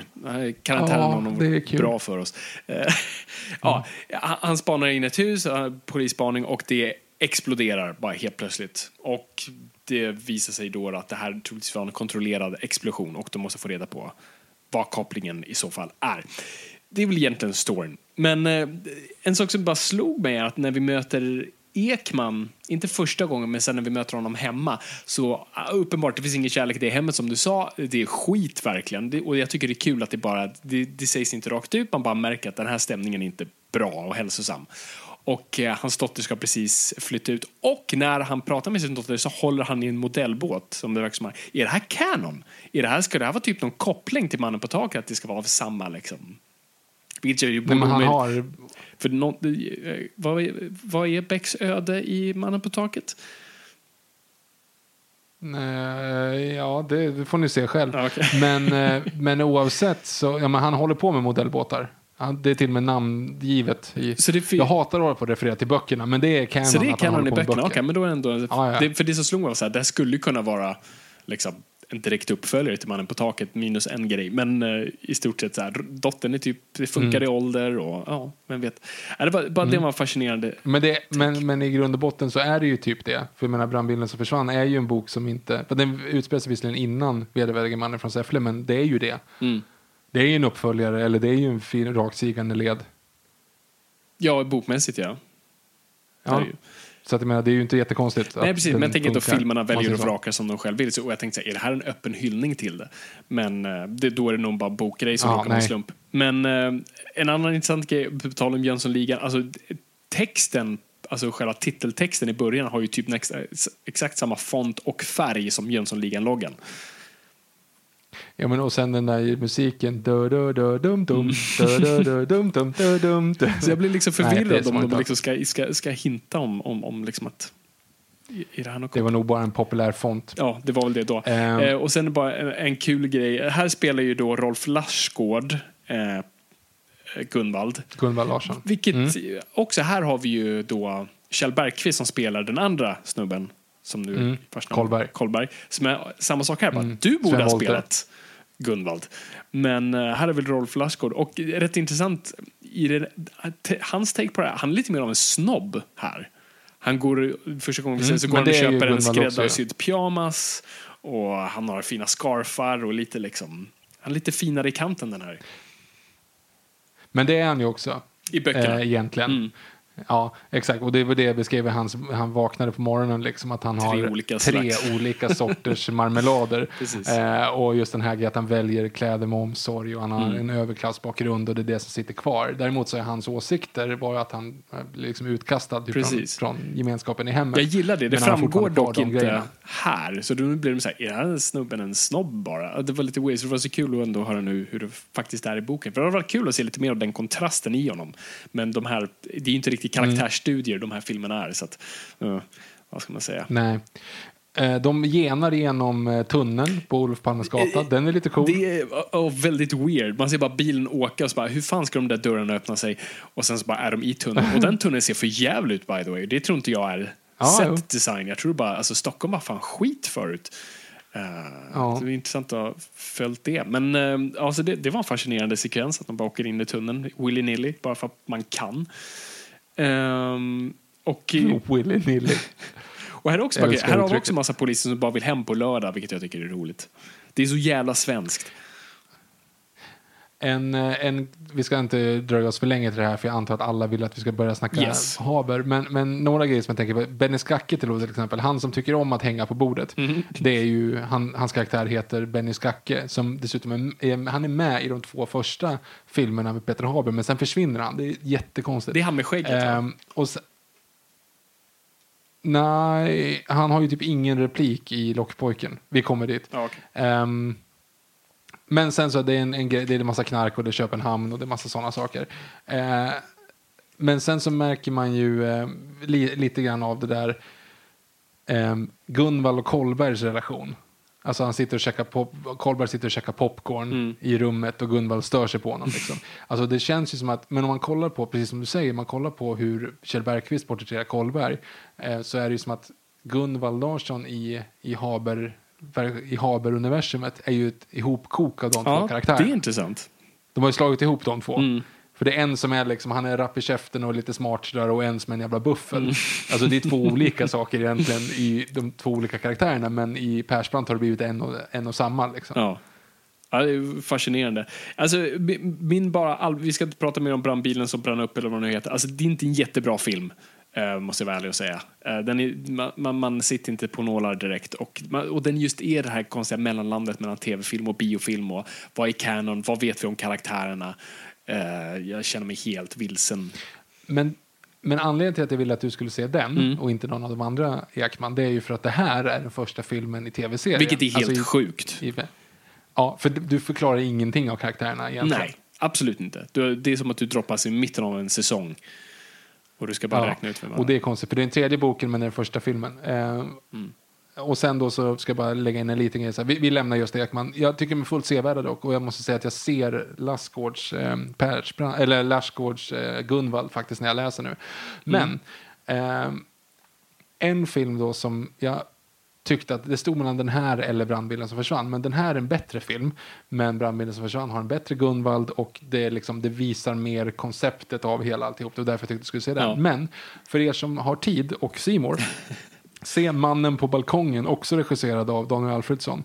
Eh, den fick fyra nomineringar, varav en Guldbagge för bästa manus, eh, faktiskt. Och eh, då är det lite grann så här, det är en, eh, en eh, dels så följer man att man får reda på att det är en förrymd brottsling som, är, som rånar och är förjävlig, som heter Dragan. Eh, och sen så hittar man en liten flicka våldtagen och mördad i en park. Och en eh, kvinna anmäler att hon har blivit rånad av den här Dragan. Så att samma kväll i samma park. De är för övrigt i Vanadislunden där du också är uppväxt och det är väldigt mycket scener därifrån. Men, men då så tänkte man, och då är hela grejen så här att okej, vi måste hitta den här Dragan, men inte för att liksom lagföra honom, utan han är troligen huvudvittne till, den här, till det här mordet. Så att det blir en dubbel grej, att de är ute och jagar efter två personer och så vidare. Och, och det finns väldigt mycket, eh, alltså det finns väldigt mycket scener som, i de andra filmerna känns det väldigt mycket scener som känns som att okej, det här är det här är här för att det ska vara i boken och det är säkert liksom någonting annat. Men här är det helt plötsligt lite, så här, lite spännande scener. Alltså det, det är en upplösning. Sista scenen är uppe på Observatorielundens observatorium. Alltså skurken klättrar uppe på observatoriet och Beck jagar honom och det är liksom, han har kidnappat en flicka och det är, liksom, det är, det är verkligen spännande. Det är liksom kamp mot klockan att han har kidnappat och det, det, det klipps mellan mamman som letar i buskarna och liksom, någon vet att han är i närheten men vart är han egentligen? Och vi vet vart han är men Beck vet inte vart han är och det är liksom helt plötsligt blir det lite spännande. Och den scenen då uppe på observatoriet måste jag säga att det är väldigt snyggt. Det, det tycker jag är fullt värd att se. Um, och sen så är det alltid lika roligt att man ser eh, skådisar som sen kommer tillbaka i Haber-filmerna. De dyker ju upp i de här filmerna också. Mm. Vi har inte så många liksom- svenska skådespelare, de måste recycla dem. Jag är fan Nej, orolig i framtiden för Beck-filmerna. Har de recyclat någon? Ja, det ska bli, vi kommer ju dit så det ska bli intressant att se. Jag, har, jag, jag kommer dit sen. Jag har hittat några, men det är inte, inte speciellt mycket. Och sen ska jag bara nämna Stockholm Marathon, vilket är den sista filmen i de här. Väldigt, väldigt, väldigt löst baserat på sista boken Terroristerna, näst sista boken Terroristerna. Eh, men typ inte baserat egentligen någonting, för det handlar om typ en så här en eh, amerikansk ambassad, ambassadör som kommer till Stockholm som Beck måste skydda. Och i, i Stockholm Marathon så är det en tydligen jättekänd popstjärna som ska springa på Stockholm Marathon eh, som Beck då ska skydda. Eh, Och den popstjärnan, han spelas ju, eh, han, det är ju Thomas Anders, jag vet inte om du vet vem det är, han är sångare i Modern Talking som spelar då den här st- popstjärnan som heter Ypsilon i, i filmen. Eh, och han ska då springa Stockholm Marathon och han är ju jättetysk såklart. Såklart. För att han är sångare i Modern, Modern Talking så han kan ju inte svenska. Så han är tokdubbad och vi kommer in på tyska dubbningar sen. Men det här är bananas. Det här är, alltså, det här är så dåligt så att man nästan säger men varför, varför ja, det, det är pinsamt liksom. Och han, eh, för övrigt så dubbas han av, eh, av eh, Thomas Nordström, vilket är väldigt roligt. Det är Olle i Pistvakt. Ehm, men det är ingen bra film. Alltså Stockholm Marathon verkligen så här, oh shit, det här var en clusterfuck av allting. Liksom. Så, så skit i den. Men med det sagt så var det också den sista filmen i Beck-serien med, med Gösta Ekman. De här filmerna var ju liksom tyska co-productions och blev lite tv-filmer förutom de som då släpptes upp. Till exempel då Mannen på balkongen som ändå var nominerad till fyra Guldbaggar. Så det är ju bra liksom. Ehm, men 1997 så gör de en batch till. Då ska de göra åtta filmer. De frågar först om Gösta Ekman ska vara med. Men det visar sig att det, tiden drar, det drar ut lite grann på tiden och det blir lite bökigt och sådana saker. Så att de, liksom, de recastar och alltihop. Men det tycker jag är intressant. För att då betyder det att då hade de troligen tänkt att förlänga serien. Ja, just det. Alltså att de första filmerna skulle vara i samma universum, citationstecken, som de här filmerna. Ehm, och det vet jag inte riktigt vad jag liksom så här, det har jag aldrig reflekterat kring. Men det, det är det kanske. Då. Ja, så att har. Habers, så, här, har Habers ehm, Gun, eller har Habers Beck liksom haft den där, för de byter namn på frun och dottern visserligen. Habers fru, Becks fru är med i första Haber-filmen också, Ja, men heter någonting annat än vad hon heter i den andra. Och Ingrid heter ju dottern och Putte heter hon av någon jävla anledning Mm. i, eh, i... Så det är så här. Men i alla fall.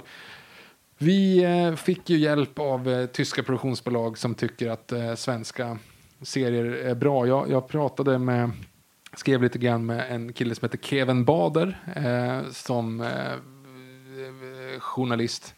Eh, och bara frågade honom, han är, han är tyskt påbrå. Det är lite så här eh, kulturell appropriering kanske fråga hej vad tycker tyskar om Beck? Men han svarade då att av någon anledning så, så tycker tyskar väldigt mycket om just svenska krim. Eh, och vi gör, de gör egna också men, men svensk krim går hem liksom. Så att eh, det känns ju bra. Men oavsett i alla fall så tyskarna går in och co-finansierar det här och där har vi den första säsongen av eh, Beck med Peter Haber som Martin Beck med Gunvald Larsson som eh, spelas då av Mikael Persbrandt och då karaktären Benny är ju med men förkastad. I alla fall, Fabian. Vad tycker du om första filmen Lockpojken? Regi Peter Sett som för övrigt också gjort Göta kanal 2. Alltså, inte en sexig titel, Lockpojken, måste jag säga. Mm. Ja, men det här var intressant, för jag hade inte sett den här, insåg jag väldigt snabbt. Och eh, just den här första säsongen insåg jag ganska snabbt att de här har jag sett minst av. Men eh, det roliga, det slår mig först av att så här, det blir nästan lite meta i den här också, men bara på ett ytligt plan i starten då de i stort sett bara säger rakt ut bara det här är inte din farsas bäck.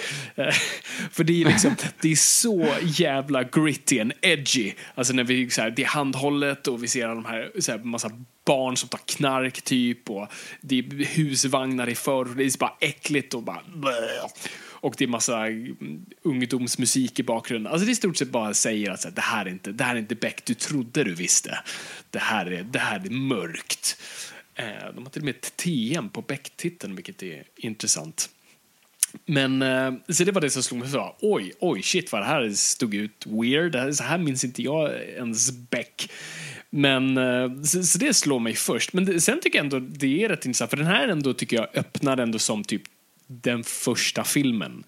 Den vill ändå försöka lite introducera karaktärer. Och eh, vi har ju en, eh, så vi, vi träffar i stort sett Martin Beck då i en rättssal där han har lagt upp, eh, ja, där han försöker sätta dit någon i stort sett. Han lägger upp alla bevis och allt sånt där.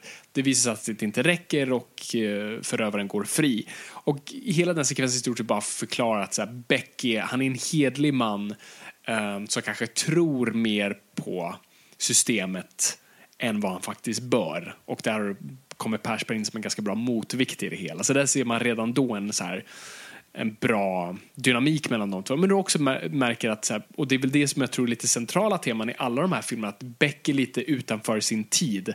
Hans storhetstid är över, han är en veteran, även han. Och han är så här, trött och gammal och inte liksom hipp till vad som för just nu och därför alltid lite bakom flötet.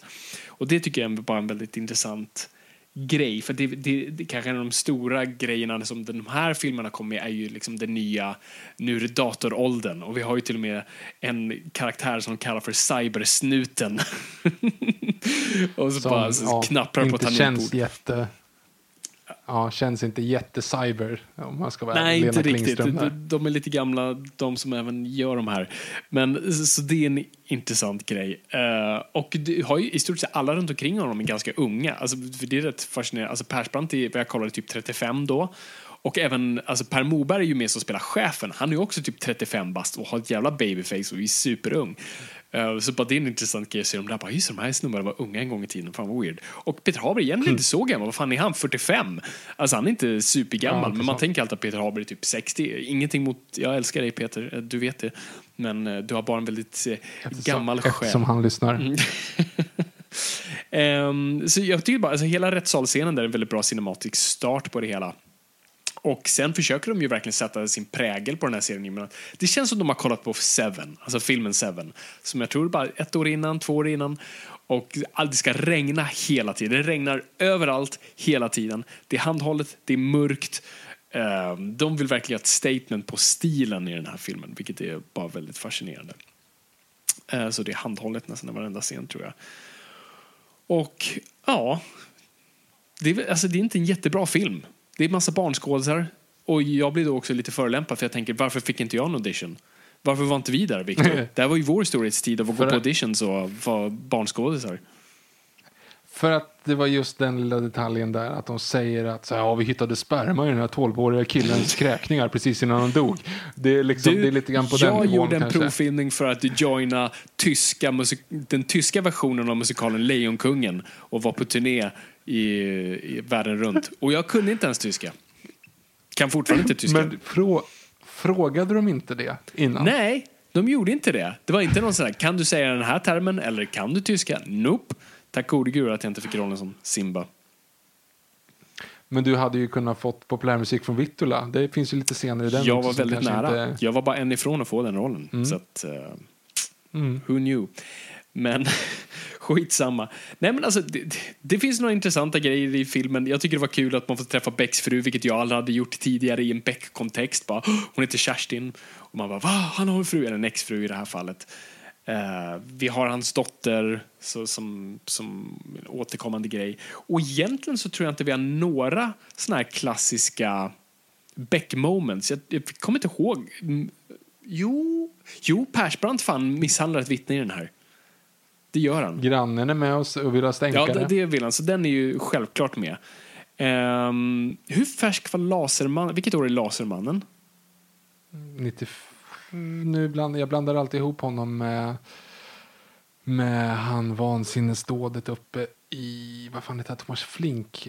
Lasermannen Torsten är väl Flink? också där 94-95 någonstans? Ja. Nej. La, eh, de- nej men Guillermo Marquechara och Mattias Flink är ju samma år. Okej. Eh, och det är 94 för man blandar alltid ihop det. Fan, ja, han är tidigare, Lasermannen är tidigare. Det här är, det här är flera år efter, det är fem, fem sex år efter Ja, kanske. men det är bara för att de nämner Lasermannen väldigt mycket. Så här, är det här en ny Lasermannen?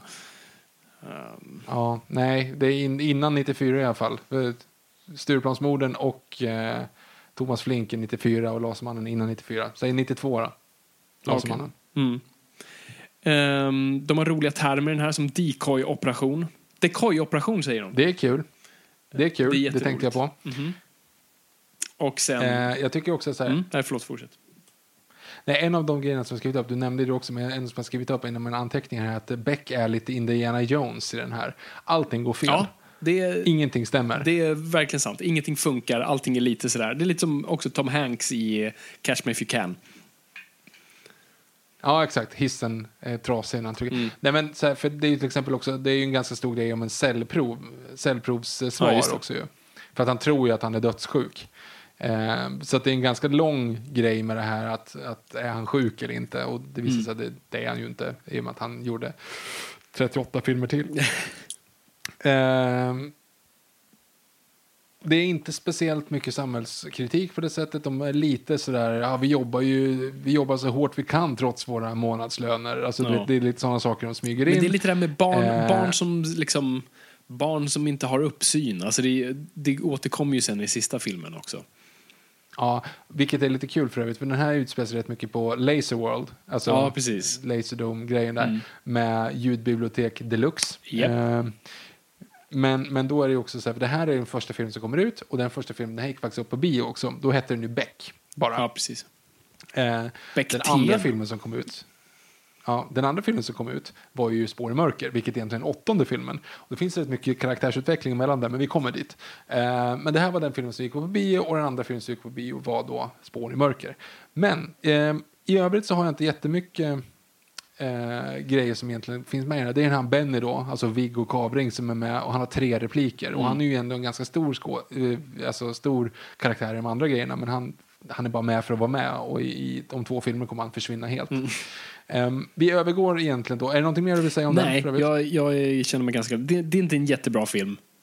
Jag skulle egentligen inte rekommendera den om man inte vill se en så här, ah, hur är den första Haberbeck-filmen? För det är en ganska bra setup, men sen filmen i sig är inte så intressant.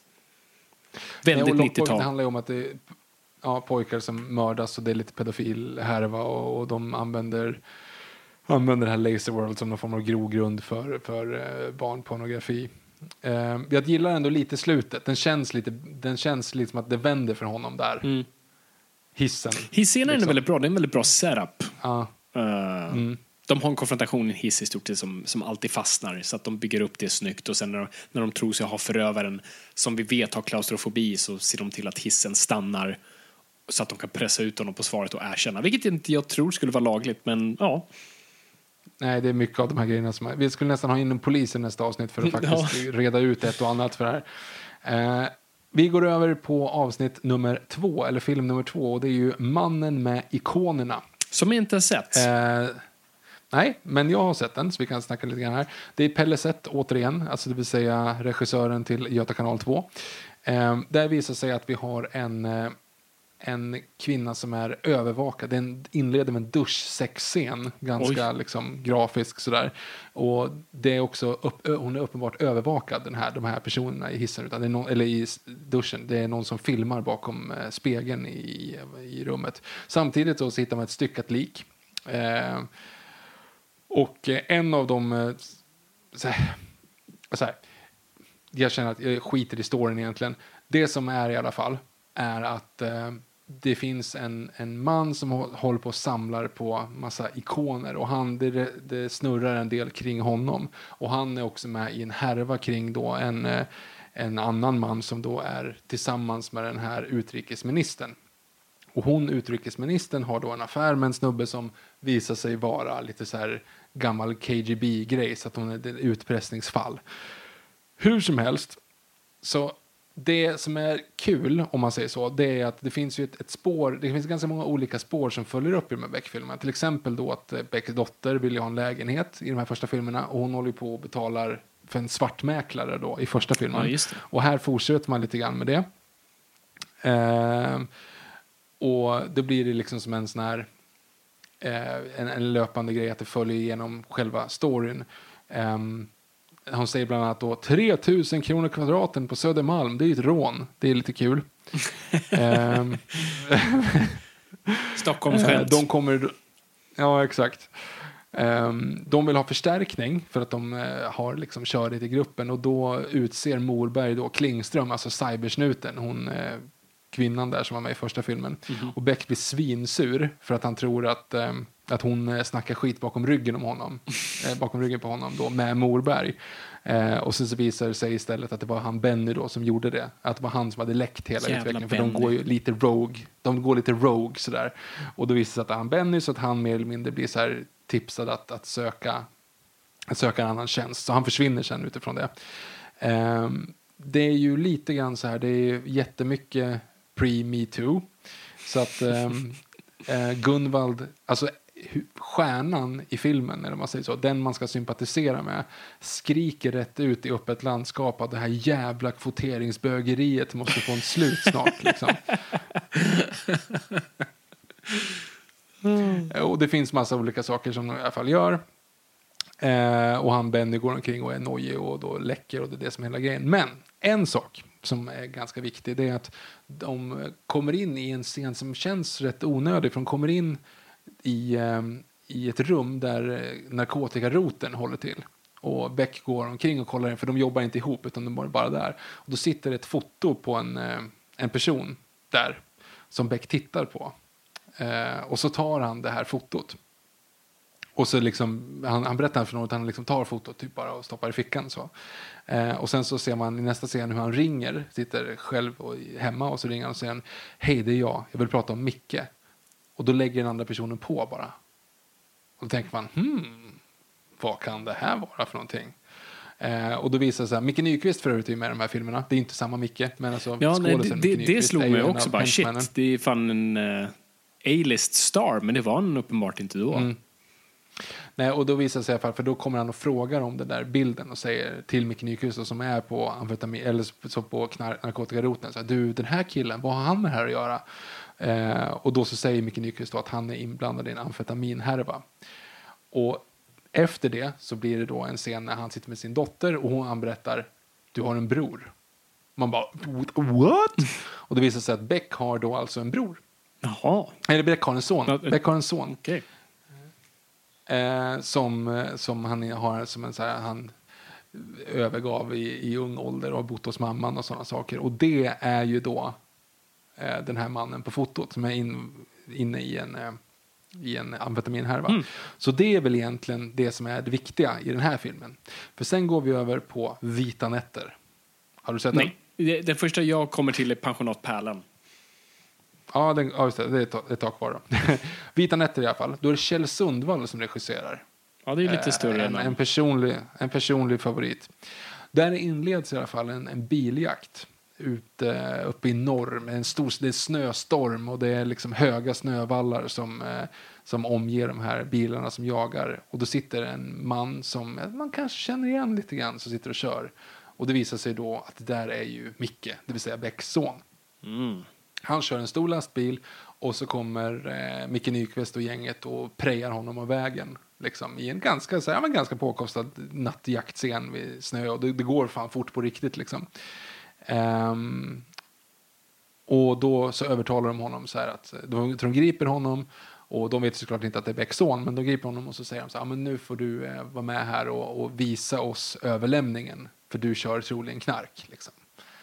Eller de vet väl att han gör det. Så att, eh, han ska vara- åka till överlämningen, som träffas ut i ett grustag med någon myskonsnubbar där. Och det blir en överlämning och han står lite nervös. Han lämnar över paketet och precis när han lämnar över paketet så kommer ju alla poliser så här freeze. Men då kommer en bil som slirrar in där på det här grustaget och gör en drive-by och skjuter då den här Micke så att han tokdör. Eh, och då visar det sig att efter lite, lite research att det är ju då The Money Man som ligger bakom det här. Alltså Lennart Hjulströms karaktär som sen är lite återkommande. Så det här introducerar vi för Becks Blowfelt. Ja, just det. Ehm, så han är de som liksom, han styr massa kriminella och har massa torpeder och grejer. Ehm, och man träffar honom bara ute i ett parkeringshus. Alltså det är liksom, det är verkligen så han står och pratar med, no, med skummisar i ett parkeringshus. Hus, och det är uppenbart att han har någonting med det här att göra. Liksom. Eh, sen måste jag, bara i stickspår så är det ganska grovt. Man, eh, en städare hittar en hand i en kycklinggrill. Oh. Alltså som är så här, helt grillad. Ehm, och nu har vi också så här, det är lite pre Gunvald Larsson i Glory Days-eran. För att det är, liksom, det är så här snarare tvångsmässiga saker han säger snarare än skämt. Alltså det är liksom så här, han är inne bland de där grill, den grillade handen liksom. Det är för det är inne på en, en så asiatisk krog och så hittar man den här handen och då är det massa folk som fotar och forensics och sådana saker. Och då är det någon som skriker bara Gunvald, vi har, journali- vi har journalister här, vad ska vi göra? Och han svarar, "Ja, bjud på lite grillkött. Och så är det lite så här hold for laugh där. Och man bara, jaha, det var det, var det, var det kul.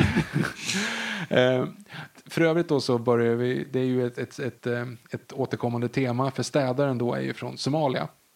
Och ingen, han kan inte prata engelska, han kan inte prata svenska. Men Gunvald säger då bara så här, ja men vänta, han är från Somalia va? Så ja. Och så går han fram och snackar italienska med honom. För att italienska är ju andra språket i Somalia tydligen då. Ja, Som han vet ju det för att han är berest och han kan dessutom italienska. Coolt. Så det är han som lyckas med det där. Vita nätter är ju sen också, alltså själva namnet är ju då amfetaminpartyn. Och Beck går ju ut på de här amfetaminpartyna för att ta reda på mer om sin son. Han går lite så här semi, semi-rogue för att, att lö, lösa det där liksom då. Ehm, han ehm, träffar, en kul grej för övrigt, det här skulle kunna vara en prequel till eh, till Tomten far till alla barnen. För han träffar eh, Katarina Evelöv i en bar och de Jaha. går hem och ligger med varandra. Oh, Eh, I en Så det är garderob. väl lite kul. De, nej, det gör de dock inte. Men, eh, för det är ju året efter, det här är året innan Tomten far till alla barnen, så det är lite kul. Vänta, vem regisserar Eh, den här? Kjell Sundvall, så det är samma. Så, det är samma, så man ser vad han fick liksom. ja, det är kul. Fröet. Ja, det är kul. Och sen så är det liksom så här. Eh, det är en, en skådis som, jag kommer inte ihåg vad hon heter nu, men det är uppenbart att, så här, att, att de som har skrivit det här har inte riktigt koll på lingot. De har hört lingot, men de har inte riktigt koll hur det ska användas. Så att hon ska liksom prata om, om olika saker, för hon var tillsammans med, med Becks son då. då. Eh, och, och hon pratar om, om knark och då säger hon så här, ah, vad fan man tar en 03, en fjärrkontroll, en här. och det låter väldigt till, tillgjort när man märker att ja, precis. Det var lite, det var lite kul.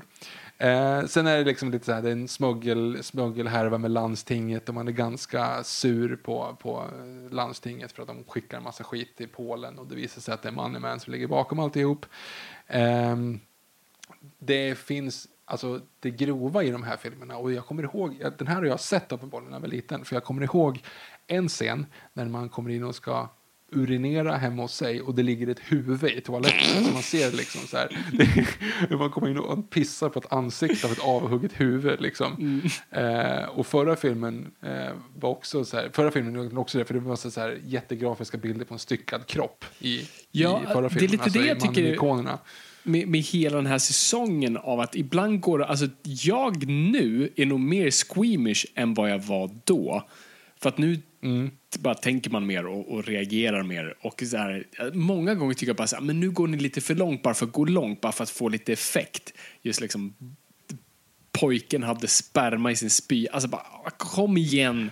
Liksom, ni behöver inte gå Ja, jag så långt. Det är många fall av det jag tycker i hela den här säsongen då bara så här, nu är vi edgy. Men de drar det bara för långt. Jo, men, och, och det är verkligen då, de är så här, vi, nu jävlar ska vi få 15 certificate på alla de här. Ja. De har verkligen ansträngt sig för till Eller inte, egentligen inte verkligen ansträngt sig. Exakt, de har inte riktigt ansträngt sig utan de har bara så här, nu lägger vi någonting äckligt så att ingen kan se det. Eh, men som sagt, det hän- hänger händer i, eh, i griller och det är, eller grillen och det är avhuggna huvuden i toaletten och, och sådana saker. Eh, I alla filmer hittills har ju förövaren också varit lite grann av en reveal. I det här är det liksom en, en kurir som man jag som, som liksom inte riktigt varit med utan det är bara så här Alltså det är ju ingen riktig skurk bakom det här i och med att man vet ju att det är Moneyman som sitter bakom allting så det kommer inte lösas riktigt i den här filmen. Men det visar sig att då är en, eh, en kurir som de jagar och det är liksom i en bar som de ska göra typ en, en, en eh, vad ska man säga, eh, det är, de, de ska sätta dit honom i den här baren i alla fall och det börjar bli, det blir skottlossning. Gunvald skjuter, skjuter ihjäl en människa. Jag har eh, skrivit ner alla gånger han gör det. Det är inte så många gånger, faktiskt bara än så länge den här. Men jag har samlat några grejer. Till exempel hur många gånger liket hittas som en hund, hur många olika språk Gunvald kan, hur många gånger Beck säger att han ska sluta och lite hur många gånger Gunvald skjuter ihjäl någon. En, vi, vi revealar dem på slutet här nu sen. Men det finns då en scen när man vet att när Beck är liksom hans personliga vendetta, när han har den här kuriren på gunpoint nere i, eh, i en källare. Och man, så här, ingen hade märkt om han hade skjutit honom eller inte. Men han står verkligen så här och ska verkligen, han ska knäppa honom liksom. Men så gör han inte det. Alltså lite det, inre utveckling. Eh, hans, och sen så är det inte så mycket mer. Men hans dotter då, Inger, har ju köpt en råtta som hon döper till eh, Harry Dean Stanton. Det är lite kul. Mm, det är kul. Det, eh, för, just det, jag har skrivit också hur många som mördas. Eh, I första filmen så dör en. Eller ja, i första, jo, nej förlåt. I första filmen dör ju fler. Vänta, nu måste jag kolla här nu, bara därför. Ehm, I första filmen dör två. I andra filmen dör en. I tredje filmen då, eh, som är nu, så dör tre, vilket är rätt mycket. Fjärde filmen nu då. Öga för Ja, öga. Nu börjar, tycker jag att vi kommer in i någon Är form av... nära liksom, mig snart. Ja, snart kommer vi. Öga för öga. Det här är, nu tycker jag att det ändå börjar komma in i lite, lite så här Beck-formula som jag minns det. För nu släpper vi Money Man. Nu är det liksom någonting helt annat, en helt separat story som bara är som en one-off. Liksom. Det här som vi önskar att eh, No Time To Die ska vara. Att han kommer in i sin Ja, quilted door och får ett uppdrag. Liksom. Vilket inte kommer Eh, vara, Och det är by ett lik. Nej, det är ett lik som hittas utan ögon. Mhm. Mm, en kvinna. Och sen så är det lite så att Lena Klingström, då hon cybersnuten som nu är med i deras team, hon har problem med sin man. Så att det är lite grann, det byggs upp också. Jaha, för hon hade en själva man? stora storyn. Okej. Ja, hon hade en man. Så det byggs upp lite grann i den stora storyn då att hon, att hon har problem med honom. Eh, men det visar sig att, det, är, att eh, det, har, det har varit uppe i... Eh, det är en i Stockholm och en typ i västra Sverige och en i norra Sverige som, som dör, som har mördats och alla har fått ögonen utskurna. Och man tänker liksom så här, hmm, någonting har de här med saken att göra. Det visar sig att alla de har gått i samma klass, eh, de här tre kvinnorna, i Östhammar. Ehm, och det är lite så här jägarna-feeling. Och alltså, det, det, det är liksom, det är Kjell Sundvall som regisserar, Kjell Sundvall har också gjort ehm, Jägarna. Det är lite grann så här, vi berättar inte vad som hände här uppe för Stockholmsnuten inte. Alltså det är liksom lite grann på den nivån. Ehm, och det har liksom varit så här att Jon Anders, han var inblandad i en skandal, men, men låt det gamla vara begravt. Alltså det är lite grann det där, om man får höra om när Jon Anders som gick i deras klass. Jon Anders är ju då död, eh, visade sig för bara något år sedan, eller för bara i samma år. Han har precis nyligen dött och det här satte igång efter att han dog. Man misstänker, var han också mördad? Så, nej, men han hade inte ögonen utstuckna. Hmm, vad var det för någonting? Ja, men låt det gamla vara begravt. Det är lite grann det som. Eh, det finns också en, eh, en myskotant som spår i kort. Eh, och hon var lärarinna till den här klassen. Och det visade sig då att eh, där också, jag vet inte om du följde mig på eh, sociala medier då när jag, eller jag kanske löpte på Noipod-kontot när han, när han rullstolsbundna mannen Ja, hoppar fram bakom ett, ett, ett plank. Vilket, Fantastiskt. Ja, det, det, ser, det, det är inte så bra komponerat den scenen för det ser ut som att det är från kommissarie Speck liksom. Mm. Ehm, det slutar i alla fall, om man säger så här, ska vi liksom inte Eh, jag ska inte avslöja så, men det blir ju lite grann så här det gamla, den nya Beck-formulan som kommer sen och det är ju typ, det finns tre potentiella gärningsmän. Man tror att det är den och sen tror man att det är den och så visar att det var den här. Alltså Ja, den formulan kommer för första gången här. Och jag gillar ju, jag gillar ju det lite grann. Jag tycker att det är lite mysigt. Ja, det liksom. tillhör det. Um, för övrigt så det är ju en flashback, det, det löses upp då på, på ett sätt som jag inte ska berätta. Men det visar sig att det har att göra då med den här Jon Anders. Och det är för övrigt Joakim Netteqvist, allas vår egen Arn, som spelar då Jon Anders i en flashback. Eh, som 15-åring typ. Eh, för övrigt då så är det fem personer som mördas i den här filmen, vilket är rätt mycket. Det är rekord hittills. Eh, och stickspår, vi fortsätter på att eh, Gunvald inte är metoo. Så är det så att eh, Klingström har ju problem då hemma. Eh, och han håller på och skämtar hela tiden om att eh, hon har mens. Eh, och att, och att det är ju, och att det är ju då det är så här, någon mobbning som ligger bakom det här, de här morden i klassen. Då. De misstänker att det är liksom någon av de här som, som mobbades. Och då säger Gunvald också så här, äh, fan jag är också mobbad när jag var liten. Jaha, vad blev du mobbad för? För jag hade för stor kuk. alltså, det, på den nivån. Åh, Gunvald. Du vet, det, det är på den nivån. Yes. I alla fall. Jag tycker att hittills tycker jag att det är den bästa i serien här. För att den var liksom, den är välgjord, välregisserad, Okej. snyggt skådespelat med vissa undantag. Men ändå så här, och det är lite mystik och det, ja, men det, är, ändå liksom, det är ändå lite trevligt sådär. Mm. Men sen, efter det, så kommer ju då A, eh, ja, bottennappet, a.k.a. pensionatet Pärlan. Där kommer jag in. Eh, som handlar om citat sprängda invandrare. eh, som de nog benämner de här offren. alltså, det som slår mig det första är så här, okej, alla i Sverige är rasister på 90-talet. Eller det här, ja, det här är fan, vad är det? 2000? Ja, det är 90, 97. Ja, det är 97. Vilket är så här, alltså det är inte, ja, för det är också, alltså inte nog med att eh, Pers, Persbrandt, eller ja, vi ska säga eh, Gunvald, inte är super metoo. Han är inte heller, eh, han är ganska superrassig också. Ehm, och det är ingenting han släpper genom de här film, första filmerna vi har sett. Men vi inleder ju med en superrasistisk taxichaffis som inte jag ens tror ska spela som att han är rasist och dum utan han är bara en taxichaffis. det är liksom, vi, Nej, men publiken det- är på hans sida. Ja. Han skäller på, det kliver in vid Finlandsfärjorna en eh, då, eh, invandrare då, som någon benämner det, eh, som bara är lite weird och eh, ja, kan inte riktigt kommunicera till taxichauffören vad han ska. Och blir bara Han är inte super. weird, han kan inte engelska, det är det som är skillnaden. liksom. Ja, men det visar sig också att han har sprängämne runt sin mage som... Jo, men det visste ju inte han. Nej, just det, det är det som är själva grejen. Är det... Taxi, Taxichaffisen spelas för övrigt av han som alltid skadar sig i Sunes sommar. Det tycker jag var Ja, lite kul. det är väldigt kul. Uh, gillar honom. Och det är, Mm. ja, vill ni att han straffas för hans synder så kolla på Sune Sommar. Ehm, jag vill bara, eh, liten petitess, inget stort, men så här, förtexterna till de här filmerna. Alltså, inget fackförbund i, i filmvärlden hade godkänt det. För att alltså, deras titel och deras namn sitter ihop utan någon slags förändring i font eller tjockhet. Alltså man, jag, jag med dyslexi får typ ett slaganfall av att läsa förtexterna till de här filmerna. Uh, bara en not där. Nej, men den här filmen handlar ju då om um, invandrare som kommer från Finlandsbåtarna, inte från, eller från Finland, men de, de är inte från Finland och de börjar explodera Uh, och man vet inte varför. Och det är i stort sett det. Här får jag intro för Moneyman. Han dyker han upp för mig för första gången, så han verkar ha sina fingrar i denna soppa också. Eh, alltså, ja, nej, det här är inte en jättebra film, men jag måste säga att eh, Cybersnuten och Persbrandt är jävligt bra i den här filmen. Och det här, vad jag tror främst är ju för att Persbrandt har ju en ganska intressant story ändå. Att Gunvald i inledningen av filmen kör på ett barn tillbaks till det ganska grova. Eh, och han försöker i stort sett ja, ta reda på var det här barnet kom ifrån. Han är på ett eget litet crusade. Det är lite eh, Gunvald Goes Rogue, vilket är typ många filmer. Ja, ja eh, precis. Och det är ju det som egentligen är en stor grej för hela det stora story-arket, eller vad man säger, för hela den här säsongen. Det är att Gunvald då kör på den här flickan Ja. som ingen vet vem det är. Precis. Ehm, och där har du ju lite grann så här att han, han ska ju leta reda på det där då. Eh, vem hon var och sådana saker.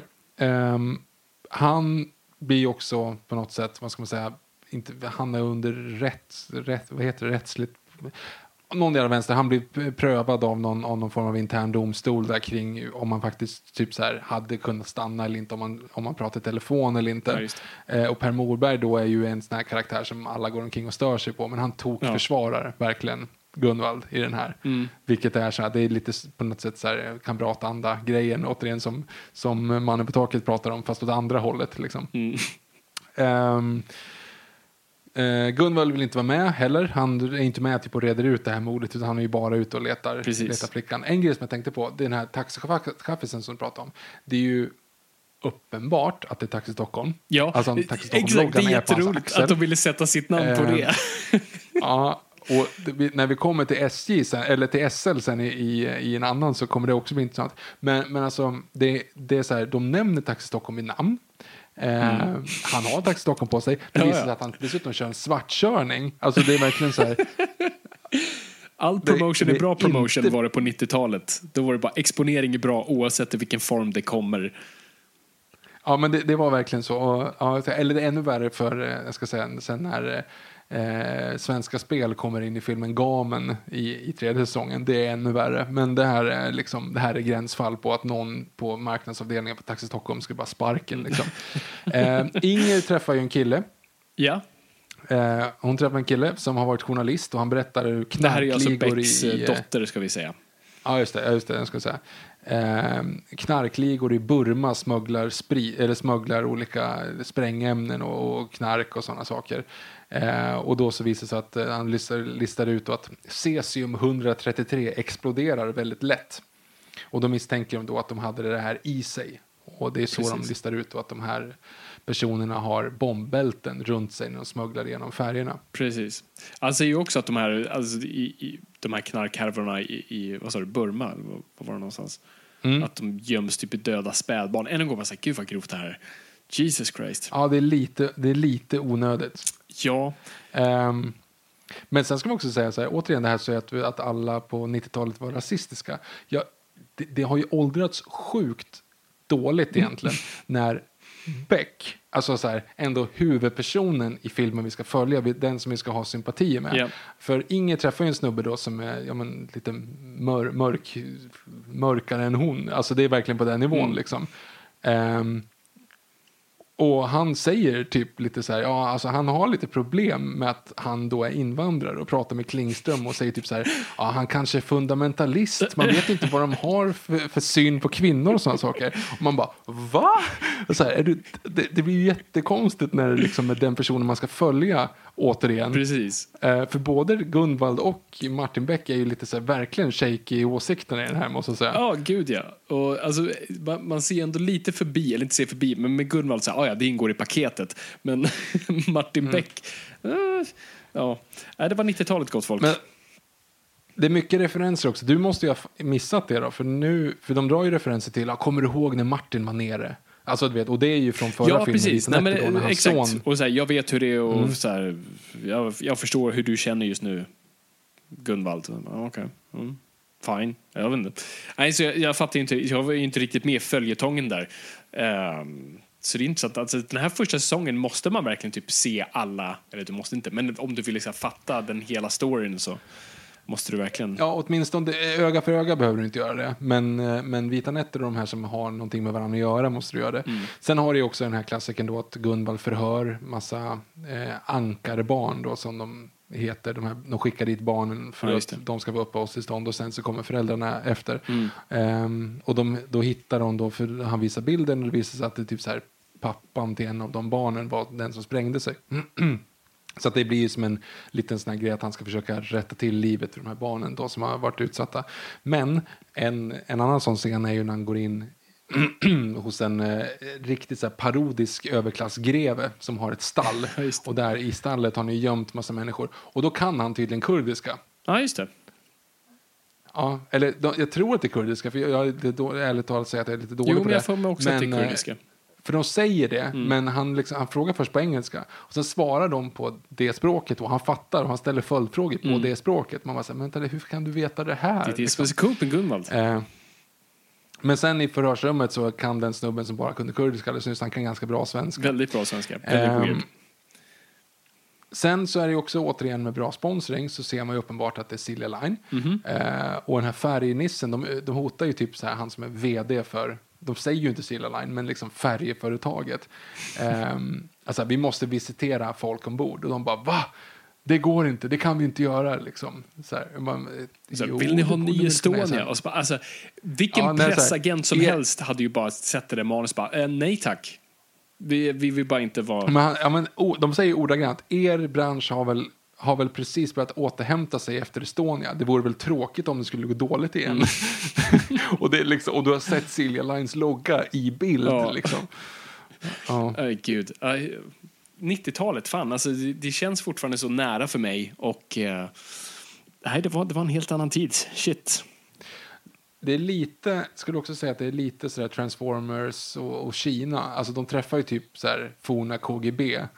Och de berättar liksom, nej men de här knarkligorna det är tjetjenier, det är inte ryssar, Ja, det. absolut inte ryssar. Och den ryssen är ganska snäll och man tycker om honom Mm. lite grann och sådana saker. Men det, det känns som att säga, okej, ja ja, skyll på tjetjenierna. Ehm, sen har du ju den här scenen då när de är på färjan, när de liksom land, sjösätts på färjan Mm. och letar efter bomben. Och det var ju ändå ganska spännande. Ja, absolut. Du har också en scen då Gunvald ligger för jobbet. Eller Va? det är snarare en jag fråga. Ligger han med den där tanten på det där hotellet? Som äger hotellet? Nej, det tror jag inte. Det tror jag Jo, inte. för han Inte går in till henne och sen så liksom går en annan snubbe förbi och man hör... You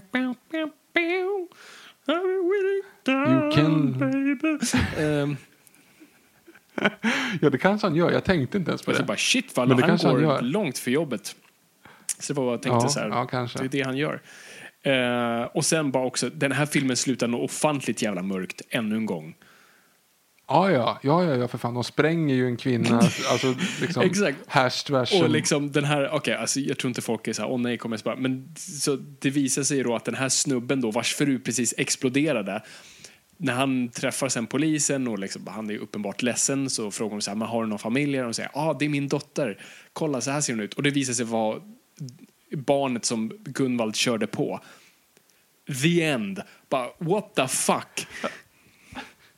Ja, precis. Den där mannen har nu mist sin familj på mindre än två dagar och är nu ensam i ett främmande land. Och, ja, jag bryr mig inte vad som händer med honom. Det är som att man bara klipp fade to black. Liksom. Det är ingen som följer upp det. Exakt, lyckligt slut. Eh, Aj, shit.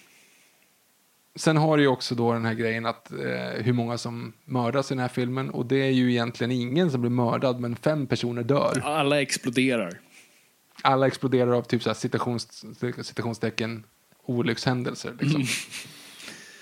Har du någonting mer på den här? Nej, alltså det var inte, det var ännu en gång här mitt hjärta sjönk lite.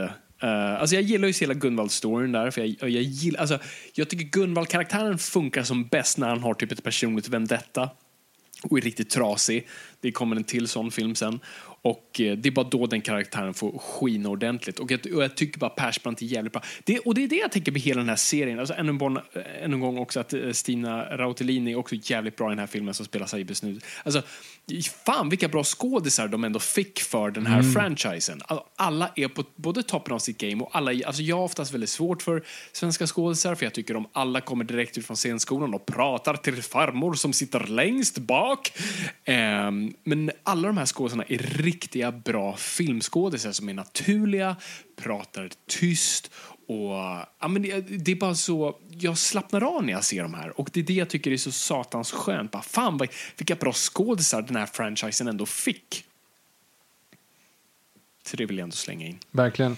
Men eh, nej, så det var det. Men eh, nästa har jag också sett, vilket är Monstret. Ja, exakt. Och då går vi in på då Harald Hamrells eh, Monstret. Och där har du ju en intressant eh, take. Det här är en film som man kommer ihåg Ja. väldigt mycket. Eh, för att den, det känns som att det, det är en premiss som gör att man, man, man gör det. Ehm, och det är ju då att det lämnas en väska utanför polisstationen och de ringer och säger att det är en bomb i väskan. Och, och bombpatrullen kommer dit, skjuter sönder väskan och visar sig att det är ett spädbarn i väskan. Än en gång, va, what the fuck? Fan vad mörkt det här blev. Ja, jag, Vi jag, spränger ett spädbarn. Och det är inte ens det enda. Nej, nej, nej, exakt. Det, det, blir, det kommer mera, för att ha en 90-talsreferens. Um, det jag tycker är intressant med den här är att den börjar i, ett, i återberättande. Tänkte du på det? Um. Alltså Beck, Gunvald och Klingström får det liksom återberättat. Det blir ju jävla tempo, men det är ju någon som berättar att, att det har Mm. ja, hänt. just det. liksom. Precis, det här är det som har hänt idag. Mm. Jag, jag tyckte bara det var en Eh. kul spaning där, bara att bombroboten har gaffatejp som håller den där pistolen som skjuter bomben. Jag tänker, det där är inte säkert. Det är väl det, är väl, det, är väl det säkraste som finns i hela världen, gaffatejp. förvisso. Men det är så här, okej, det där var en attributör och inte polisen. Mm. Eh, och just det, Beck ska bli morfar. Ja, just det. Det är det den här kommer. Men han, han är i alla fall, han, är, Mm. Han blir- har inget problem att det är en biracial barn. Så att eh, han har släppt det verkar som. Nej, men jag, tror, jag tror att de kanske insåg att hörni, vi kan inte ha det så här. Det hade varit kul Oavsett om hon så- levererade och han slår henne direkt i magen. För det passar den här franchisen för hur jävla mörk det är. Wow, okej. Eh, det, det, som, det som händer i alla fall, de replikerna som faktiskt växlas, växlas är du ska bli morfar och han säger typ ingenting och hon säger bara men är du inte glad? Och sen puttar han ner henne för nej, trappa. Nej, nej, nej, jag blev lite tagen på sängen bara. Och då säger hon, jo, det blev jag också. Mm. Hold for laugh. Det high-fivade manusfattarna varandra. Mm. Mm. Som för övrigt är samma manusfattare i alla filmer. Är det verkligen det? Jag glömde checka Mm. det, men för jag vet att det är det här paret som i alla fall i säsong två gör typ alla. Rolf Börjelind och um, vad fasiken heter hon då? Det är inte, nej förlåt, det är inte alls samma Nej. i alla. Det, de kanske skriver en egen visserligen, men Rolf Börjelind gör väl alla tror jag. Nej, ja, okej. Ehm. Nu har jag glömt bort, för jag vet att det är det här liksom, kända radarparet som skriver i stort sett från säsong två. Ända för de har skrivit 18 filmer tillsammans. Ja, han har ju, ja okej. Okej, ja men då, då stämmer nog det. För, jag, för hon, Silla, Silla Börjelind är ju och Rolf Börjelind, just det så. heter de. De har ju skrivit väldigt mycket ihop. Ja. Eh, och hon, just det, hon börjar inte förrän 2001, sorry. Det, ja, det här har jag faktiskt skrivit, till och med skrivit ner. Men med det sagt ska vi också bara slänga ut en liten eh, grej till eh, Rolf Börjelind då, som för övrigt också har skrivit eh, typ alla Jönssonligan och Yrrol. Ja, då är Det han ju på våra är Mount ganska Rushmore. fett. Japp, han är... Och Kocken faktiskt, som jag inte sett. Kocken men- är faktiskt men, en eh, väldigt du har underskattad film. Den är inte Mm. perfekt, men ändå för att vara en svensk film från när den kom så. Ja, den, har, den är faktiskt bra. Sen i den här filmen då etablerar ju sig att eh, Beck är lite intresserad av, eh, av Lena Klingström. Mm. Precis. Eh, hon och Gunvald har ju varit ute och dansat tidigare. Eh, Just det. B- Gunvald i- gillar att dansa, filmer. har jag lärt mig från de här filmerna. Ja, det är kul. Ja, men det är lite kul. Ja. Ehm, och det, det är väl lite en sån en, en kul anekdot och bara helt plötsligt så, så den där, du har inte sett någonting av den där relationen tidigare utan den kommer nu. Nej, den kom nu från ingenstans. filmen, Man bara, liksom. va? Aha, Ja. jag trodde typ hon och Persbrandt kanske skulle hooka. Det kändes mer naturligt. Mm. Eh, och sen då utifrån egentligen själva offret eller själva liksom storyn sen är det bara mörkt, mörkt, mörkt, mörkt, mörkt, mörkt, mörkt, mm. mörkt, mörkt, mörkt, mörkt, mörkt, mörkt, mörkt, med massa folk som, ja. Så att jag vet liksom inte riktigt. Vi, jag tycker vi skiter i den storyn, titta på den i så fall om du vill. Ja. Men det som är intressant för själva utvecklingen är ju då sen att, att Beck går in och säger till Klingström att han är kär i henne och det blir väldigt dålig stämning. Ja, direkt. Hashtag metoo. Um, en, en annan intressant grej här. Obducenten som alltid är med i de här filmerna.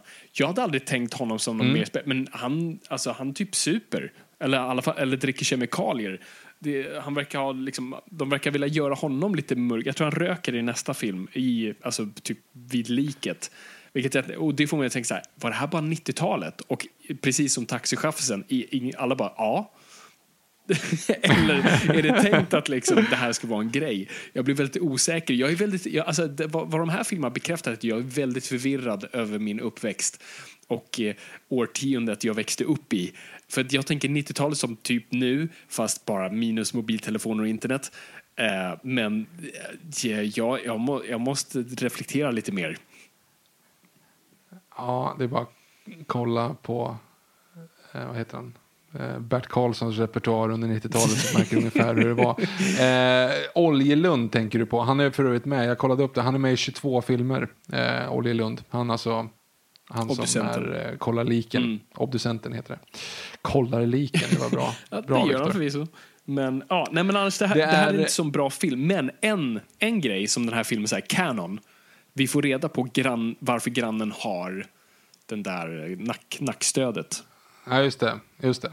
Men sen att han har det i typ 20 år är ju en annan femma. Ja, precis. Alltså, han har ju den i resten av alla filmer. Exakt. kanske inte behövs. Det är en whiplash-skada by the way, säger han. Jag tror han säger att det är en bilolycka. Kom, nu kommer jag inte ihåg bara för jag skrev inte upp var, var, vad som hände. Jag vet bara att det var whiplash. Ja, det är kul att jag inte ens lagt det på, på minnet. Men det är en intressant grej. Och en annan Ehm. take är att Gunvald inte misshandlar någon i den här eller pensionatpärlan. Vilket gjorde mig lite besviken. Lite därför jag inte riktigt Ja, går igång på de här filmerna. Men det kommer ju sen. Ja, sen- det kommer ju sen. deluxe det, han, det, blir lite grann en parodi, det blir ju lite grann en parodi på sig själv sen att han skriker och är liksom hetsig. ja, gud ja. Framförallt i första avsnittet av nästa säsong. Men två mördare i alla fall. Varav ett ett spädbarn. Mörkt. Återigen. Mm. Ja.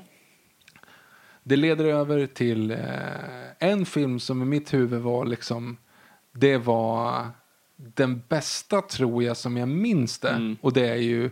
Money Man. den här som alla pratar om på skolgården, Money Man. Exakt. Nej, men det var samma här. Det var den som var så att det här var den, det här var den bästa. Eh, och eh, Ja. mm, ja, jag kan inte säga att jag riktigt håller kvar i den uppfattningen, men eh, mm.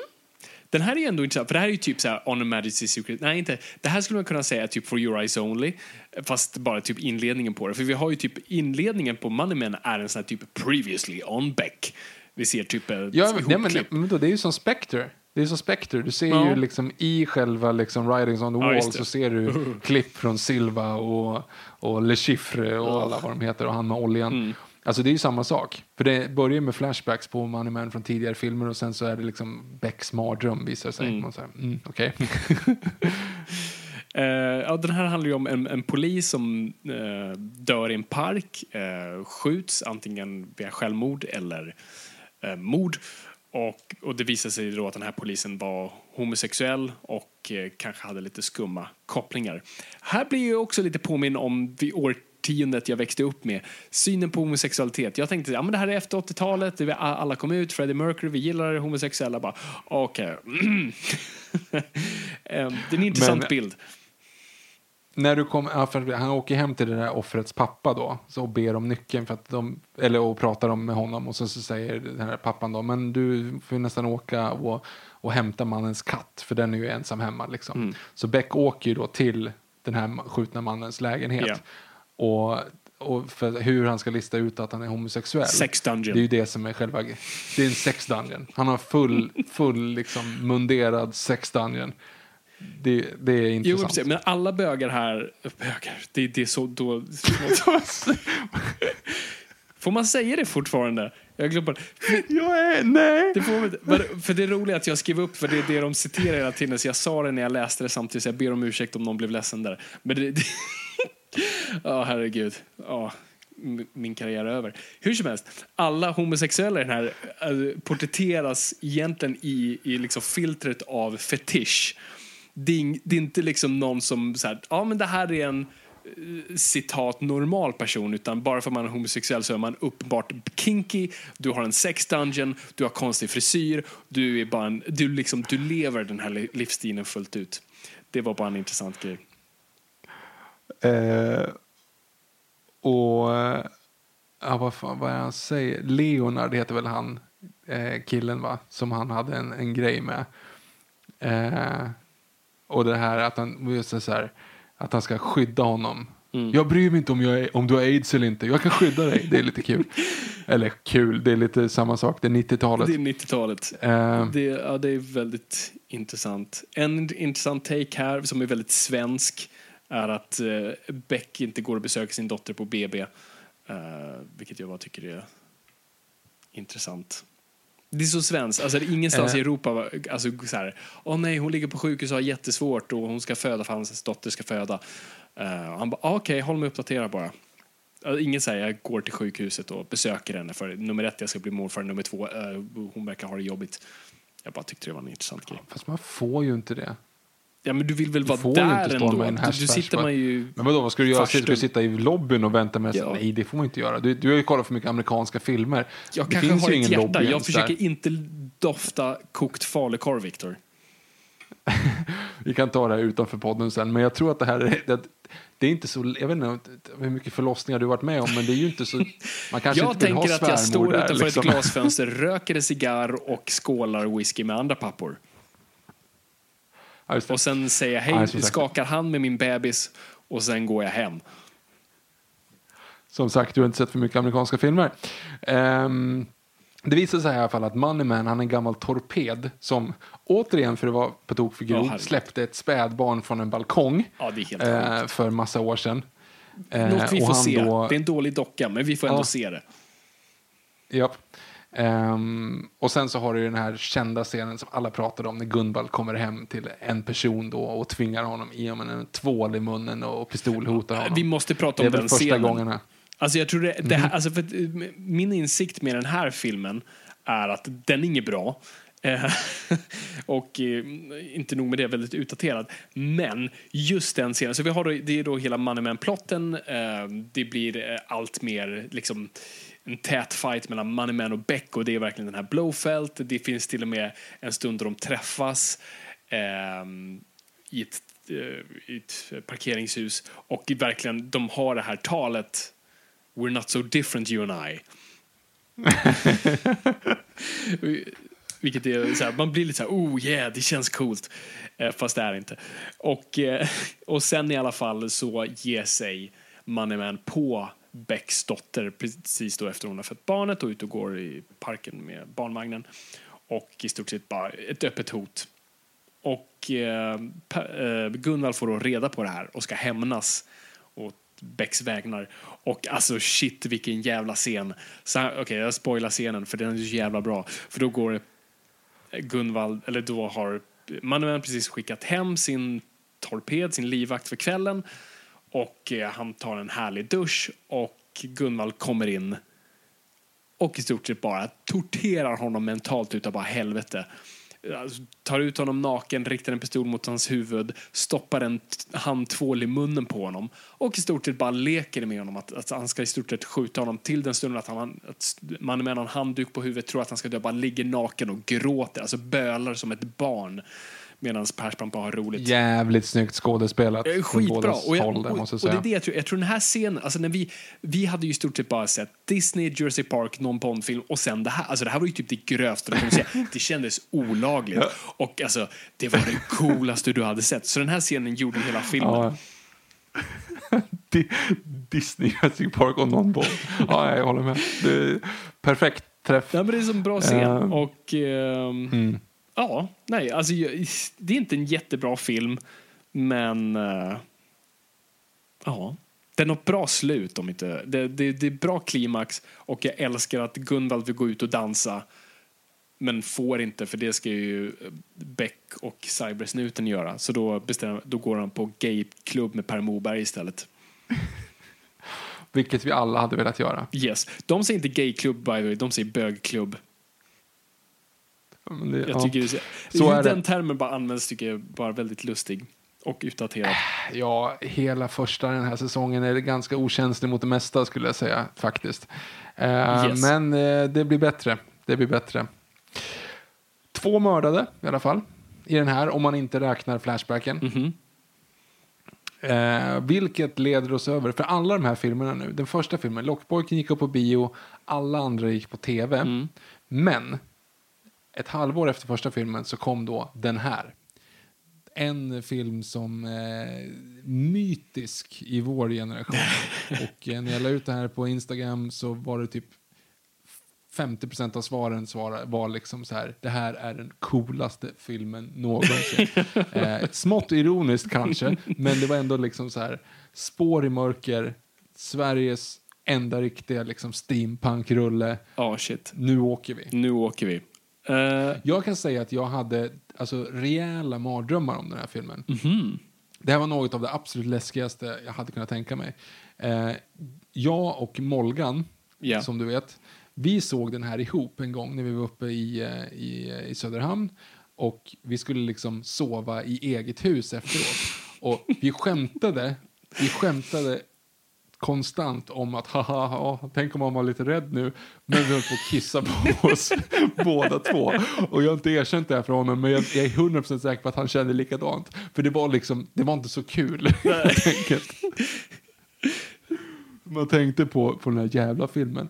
Det är Mårten Arnfeldt som, eh, som regisserar. Han har regisserat några avsnitt av Riket. Eh, och sen så har han också gjort några avsnitt i andra säsongen av Bron. Alltså danska riket. eh, yes. Intressant, för det var en grej jag faktiskt tänkte på att många av de här avsnitten ser lite ut som riket i så här färgton och stil. Kanske samma kameror. Ja. I alla fall, det här är ju då eh, den, det sista avsnittet, citationstecken, i, i den här säsongen. Och det har ju att göra med att det, det visar sig dock att här ligger lite mer pengar för det inleds typ en crane shot. Och man bara okej, ja, nu, nu, är någon, nu har vi lagt lite pengar i vad vi ska göra med det här. Liksom. Um, av någon anledning så är det pengar i det, men det visar att det skulle gå på bio. Hur som helst, en kvinna mördas i tunnelbanan och eh, det är då någon som dyker upp med en night goggles och en machete. Just det. Det är det den handlar om. Ja, Mm. Nej, men det, det jag, en sak jag kommer att tänka på, det, det var två filmer som fångade lite ens fantasi vid den här tiden, som just var läskiga. Och det är lite därför jag tror den sitter extra djupt i mitt sinne. Det är för att jag blandar ihop den här ibland med Sleepwalker. Sleepwalker, ja fy fan, åh gud, ja, den, det är ju den, det är den filmen i världshistorien i, i mitt liv som, konstigt sagt, världshistorien i mitt liv, det är den filmen i mitt liv som har gett mig absolut mest mardrömmar och svårt att sova, det är filmen Sleepwalker. Det är det jag kommer Eh, ihåg den här också, är ju du- lite samma båthus. Du liksom. pratar om den väldigt mycket. Och, och den, ni som inte vet, Sleepwalker var faktiskt en svensk film som kom typ runt samma tid. Kanske lite senare, runt tidigt 2000 kanske. Som hade en jävligt Mm. bra skräckfilmspremiss. Som så här, shit, det här borde varit en amerikansk film. Och jag tror amerikanerna remakade den lite senare. Men det handlar ju om en man som börjar gå i sömnen och typ mördar. Eh, och han fattar inte det först. Så det han gör att eh, hela plotten av filmen är att han sätter, han tejpar fast en DV-kamera som har en sån här night vision funktion på sin axel så han kan se vad han gör om nätterna. Det var innan GoPro, ska vi bara lägga in. Yes, eh, jävligt cool premiss på så vis. Och, just det här, så night vision-aspekten av det hela mixade jag ihop hela tiden med den här filmen. Så night vision finns det gott om i den här. Så jag vet inte om det var typ det nya coola heta vid den här tiden. Och det är därför det används så mycket. Eh, lite som kvicksand på 90-talet, att det var bara det var en epidemi. Ehm, Nej men så, så ja, här, den här filmen suger ju eh, på, på alla sätt och vis. En annan kul aspekt är att en sak som jag visste om och sen glömde. Jag fucking känner ungen med machetten. Jaha, vem är det då? Eh, Kasper. Jag vet, om, jag vet att Kasper har ly- lyssnat på den här podden tidigare, så Kasper, if you're listening. Jag kommer ihåg, du har ju berättat det här för mig.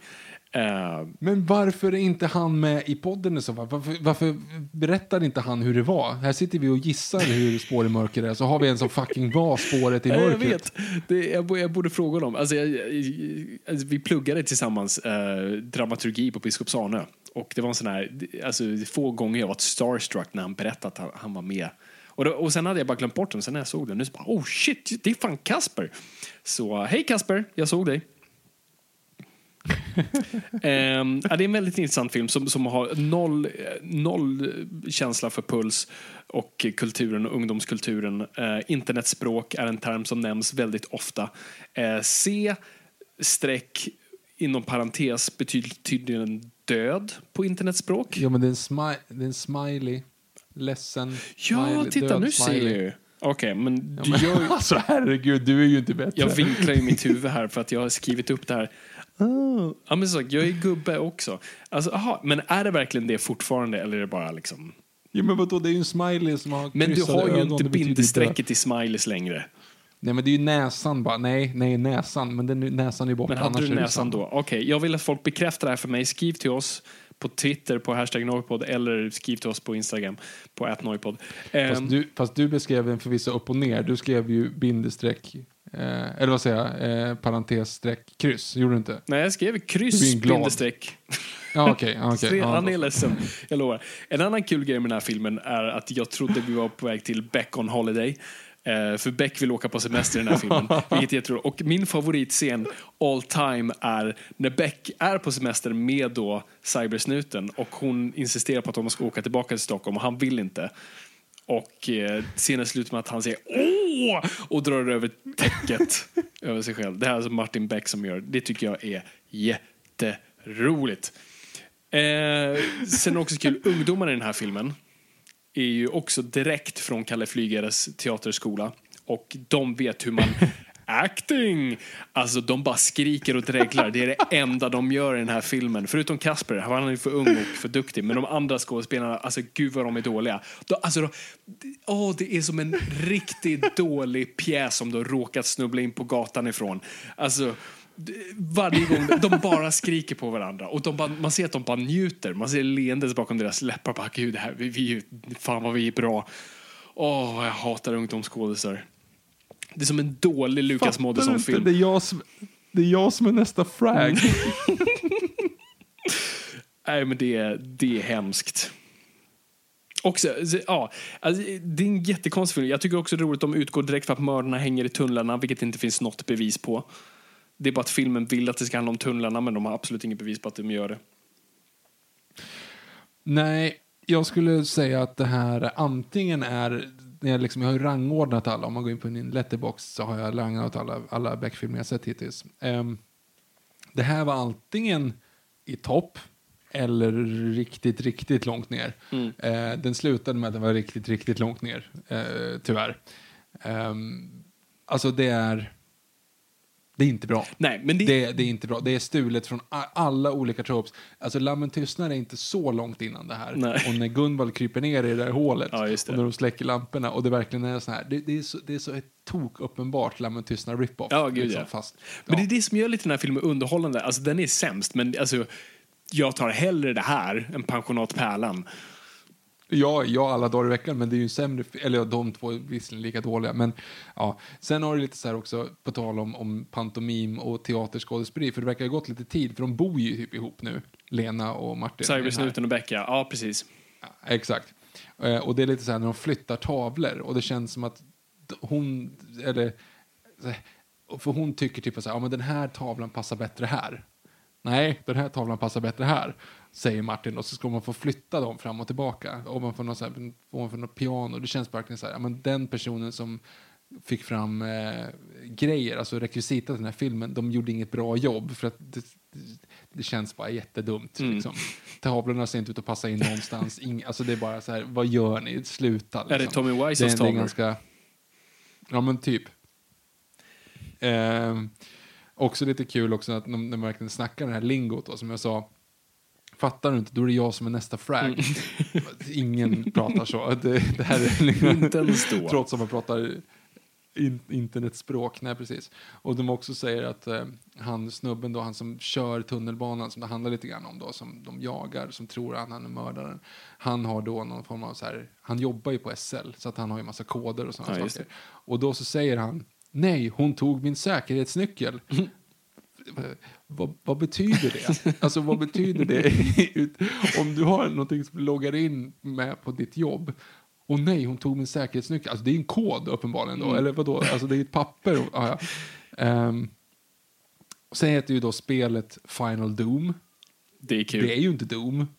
Ja, det är ju någonting annat. Liksom. Och det är inte Final Fantasy, utan de har bara slagit ihop två, Två populära spel från titlar. tiden. Det vill säga Final Fantasy och Doom, så det blir Final Doom. Men det är ju ett spel som är någonting annat. Eh, som finns tydligen på riktigt med de andra. Lite som Gandorf. Eh, det som är lite kul är för, ja exakt, men det som de kommer göra nu i alla fall, det sista som händer är att de ska raida en sista gång. För hela grejen, alltså, du har inte ens, kanske inte ens sagt det, men det är ju att ungdomar spelar ett våldsamt spel Ja, nere i, i tunnlarna, som de är hemlösa men de har massa uppkoppling och dyra datorer. Så spelar de ett våldsamt spel och enda sättet att avancera det är att mörda mer. Och så börjar det och liksom, det är som en levande inkarnation på, på videovåldsskräcken. ja, liksom precis. så här, ungdomar spelar våldsamma dataspel. Det kommer sluta med att de går omkring och mördar folk med machetes i tunnelbanan. Så här. Precis. Nej, det... Mm. Och i alla fall, det är det som händer. Eh, för de ska ut och raida då en sista gång och mörda så många de bara kan. Eh, och insatsstyrkan hinner dit och avbryter. Och då så har vi också en scen att eh, Gunvald går iväg hand i hand med då Kasper, kanske han heter. Ja. Eh, eh, för det är liksom, det slutar ju hans ark att han körde på den här Ja, flickan det. i eh, pensionat För han vill ju adoptera barn nu. Ah, ah, Och det har ju hänt i flera avsnitt liksom innan att han håller på och pratar om barn, att han vill adoptera. Och de säger bara, nej men du, inte, du vill inte ha det här barnet, du vill egentligen bara kompensera för flickan du råkade döda. Eh, men oavsett i alla fall så är det ju lite speciellt att den här två filmerna gick på bio. Så första filmen, Lockpojken, ja, ja, men liksom, Klingström är bara med lite grann. Eller hon är liksom cybersnuten, inte med i teamet. Och Gunvald är liksom broilig och ute och vevar. Och sen i andra filmen, för de som ser på bio, då är Klingström och Beck sambos. Och Gunvald adopterar barn. Bara, va? Va? Var kom det här ifrån? Vad är det som händer? så har du bara liksom? sett de två så bara ser du egentligen Gunvald sno ett barn. Ja, vilket troligen de flesta gjorde, för det var de två som gick på bio. Det är inte liksom, ja. Är det intressant. Intressant. Ska vi... Åt, ska vi Åtminstone så är det sex personer mördade i Oj, den här filmen. så det är rekord hittills. Mm. Mm. Intressant. Ska vi gå vidare? Jag tror det. För nu blir det Men ett innan hopp. vi går vidare. Ja, förlåt. Ja, för nu går vi till säsong två. Men innan vi går till säsong två går vi till reklam.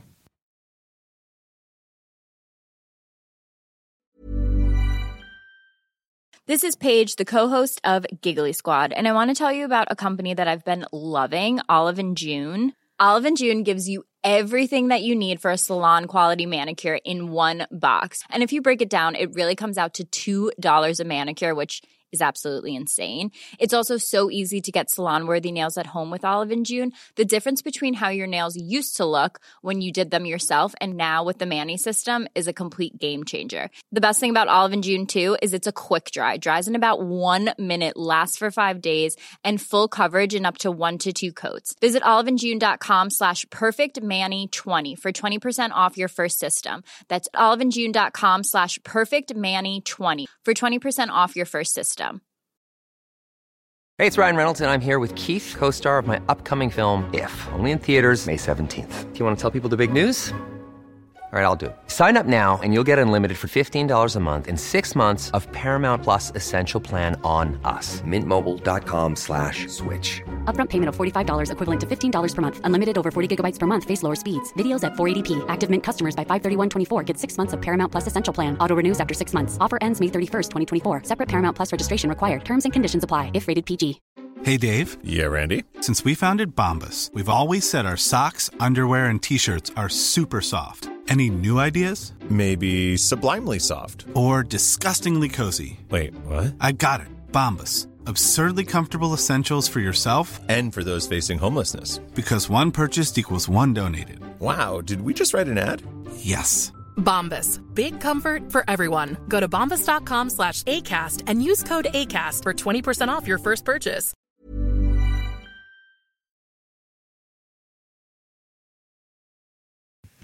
Nu är det ju då ett ganska stort gap här. Alltså, det, är lite konstigt, men äh, ni kan ju gå in själva, ni lyssnare, och se kronologin. På IMDB har de radat upp Beck-filmerna som en tv-serie och då kan de se säsong 1, 2, 3, 4 vad de nu är. Och, men det är intressant är när man ser, jämför ordningen med åren de släpptes. Så nummer ett, alltså de, säsong 1 är typ runt 98, eller hur? 97, 98. Ja, 97. Mm. Och nästa säsong kommer inte förrän 2001-2003. Så det är ett ganska stort Exakt. gap. Och så första filmen, Hämndens pris, är 2003. Men sen film nummer två är från 2001. Så det är väldigt förvirrande. Ja, jag vet. Och Porken i glaskulan är från 2005. För att de ändå det- spelar det i kronolo- kronologi. Alltså de refererar till filmer som är i framtiden. Jag är jätteförvirrad. Exakt, men det är ju inte alltid... Det, det, ja, ja, exakt. Men i den här så gör det inte så mycket längre. Alltså det är inte så mycket story på det sättet som löper över. Nej, i de här nej, nej precis. För här, här börjar vi. Det är väl det här. Så, så nu ska vi prata Hämndens pris från 2003. Och när jag slog på den så bara, ah, nu är jag hemma. Det här är Beck jag känner igen. Nu är vi liksom i de miljöerna, Exakt. de här coola kontoren. Eh, Nico Robban är med och Marie Göransson är eh, chefen. Ja, men du vet, helt plötsligt bara faller allting lite på plats. Och det är ju lite för att det är ett nytt kreativt team som, som träder in. Vi har eh, manusförfattarparet, vi har nya producenter, något som jag också insåg att eh, eh, producent Börje jobbar jag med just nu. Så att, bara oh shit. Varför sitter vi här? Ja, men jag vågar inte fråga snubben. Jag, jag, alltså, jag, jag sitter inte liksom stol bredvid stol med honom. Jag, jag har jobbat på projekt som han jobbar på nu, men han är lite above my pay grade. Så att, eh, Jaha, så det var inte, det var inte Ö, Börje, ska du med och, och podda lite lite Noipod. Precis. Tre och en halv timme Beck liksom och minnas det gamla goda tiden. Exakt. Han är jättehärlig. Det är bara att jag, jag, jag har lite för, för stor respekt för honom och eh, hans status just nu. Men vem vet, det kanske är en framtida grej. Men man märker helt, alltså de har ju betydligt mer budget på den här. Hämndens Och jag måste, och jag måste säga Verkligen. rakt ut, den här är grym. Det här är den bästa Beck-filmen hittills. Det här är absolut den bästa. Beck-filmen. Liksom, jag tror Mannen på taket är sin egna genre och sin egen, liksom, vi, vi lägger den på Ja, en den annan. Liksom, inte. den gills inte. Hämndens pris, jävlar vilken film. Mm. Jag håller helt med. Den är eh, regisserad av Kjell Sundvall, Mm. återigen. Och den är eh, en timme och 36 minuter lång. Det vill säga, Fabian, Ja, vad innebär det? Om en timme och 36 minuter lång? att det är den längsta. Nej, nej, att den är 15 minuter längre än Jurassic Park 3. Ehm, den... eh, Chanty Rooney blev nominerad till en eh, Guldbagge för bästa manliga biroll. Och ehm, den är fan, jag gillar den här verkligen. men den är den Känns, spännande. det känns på en helt annan nivå på någon vänster. Ja, nej, men just för att den är spännande. Den har en väldigt personlig aspekt. För det här, den här handlar om ett, eh, inledde med ett polismord eh, på två liksom, vanliga patrullerande poliser av Shanti Rooney. Kan inte uttala hans namn. Och här är också lite så här, vi vet vem mördaren är från sekund ett. Det handlar inte om Ja. uh, who done Ja, it liksom. Utan det här, är- så det här är lite mer mannen på taket på så vis. Det handlar mer om typ jakten på den här personen som Mhm. de ganska snabbt vet vem det är. Och den är bara välplottad, välstrukturerad, spännande. Här har vi en gång Gunvald som är just det lite på botten och arg och har ett personligt vendetta. Ehm, och eh, fan, jag gillar det här. Jag kan inte riktigt sätta fingret på något konkret så, men på att det är, det är en väloljad maskin det här. Det, det är verkligen, ja men det måste jag säga, det är det verkligen. De har liksom tänkt till. Det känns som att det ligger ganska mycket i det här. Det finns två aspekter. Ehm, det är dock att det påminner väldigt mycket om Alexandermorden. Mm. Alltså Jackie Arklöv och de, och de här poliserna som blir jävligt skjutna sent 90-tal. Det, det visar sig att de påstår ju då, eh, Börje Lind då, att det inte är baserat på det för att de hade outliner för det här innan det hände liksom. Okej. Det vet jag inte, men oavsett så känns det som att det, det, det träffar lite närmare hjärtat såklart i och med att det är ju liksom citationstecken baserat på en sann historia. Det känns som att det är liksom att det inte är taget bara helt i luften. Med det sagt så är det också lite intressant hur man, för jag kommer inte ihåg jag kommer inte ihåg vad den handlade om när jag såg den. Jag vet att jag, vet att jag sett den. Liksom. Men jag kom, när jag satte mig och började kolla så kommer jag inte ihåg vad den handlade om. Tills 45 sekunder in, när du ser två poliser, och det är vet inte, Family Guy-skämtet, eh, när Peter är, har blivit döden och sitter i ett flygplan. Och, sitter, och, och de här eh, små scoutflickorna sitter och, och sjunger så här, We like to live, we like to live. Det är lite samma känsla i den här. De pratar bara om framtiden. Alltså så här, min fru fyller år, åh vad kul det ska bli att komma hem till henne ikväll. Ja, och min framtid, och det ska bli så roligt och så, snart är det sommar, och vad härligt det ska bli. Liksom.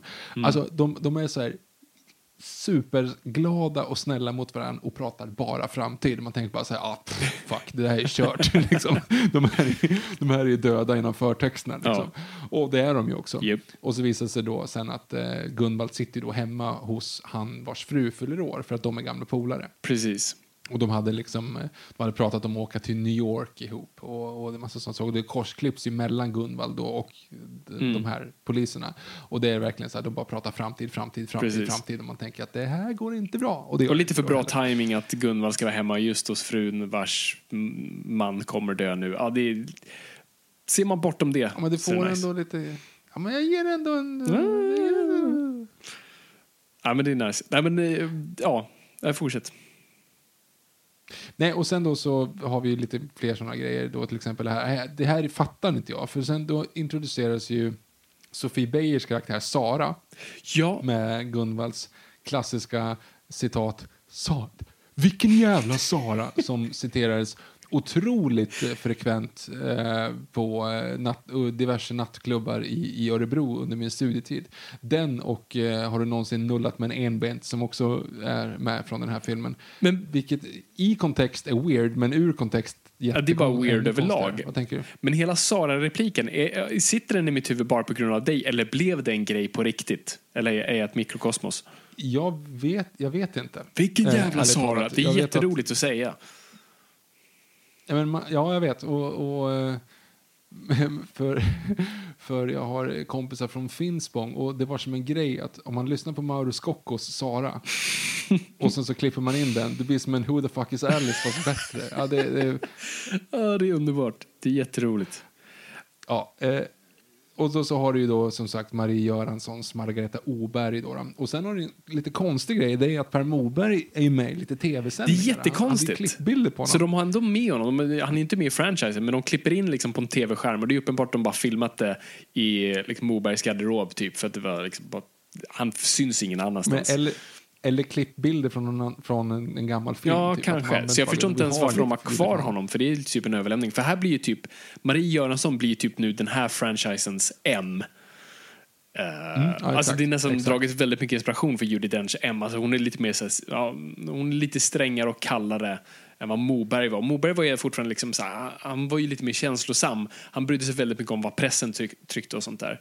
Men hon är ju lite mer som ett vått täcke över alla andra. Men man märker ändå att hon, hon är på, liksom, hennes hjärta är på rätt plats. Men så det tycker jag ändå en, liksom, hon- jag tycker hon är en bra, ett bra tillägg i hela liksom, i den franchisen. Och de har nya kontor nu som är lite mer high tech. Alltså det första Beck-kontoret är ju typ väldigt nedskitet och ser inte roligt ut alls. Här har ju alla typ så här dörrar som öppnar sig med fjärrkontroll och roliga ljud i bakgrunden. Allting ser väldigt, det ser ut som ett modernt tech company-kontor.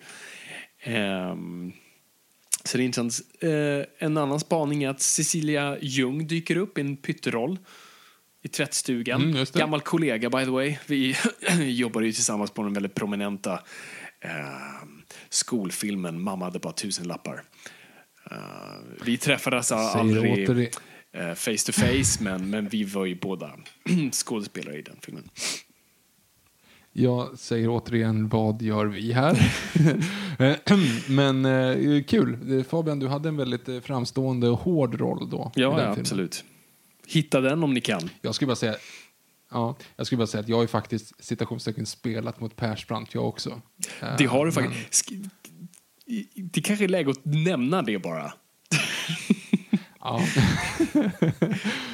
ja, ja. Nej, men ja, vi har ju berättat om våra statistdagar. Eh, för den som är duktig på att gräva så, så finns det ju rätt mycket. Liksom Fabian och Viktor Nunor som, för, som swishar förbi diverse olika eh, svenska filmer.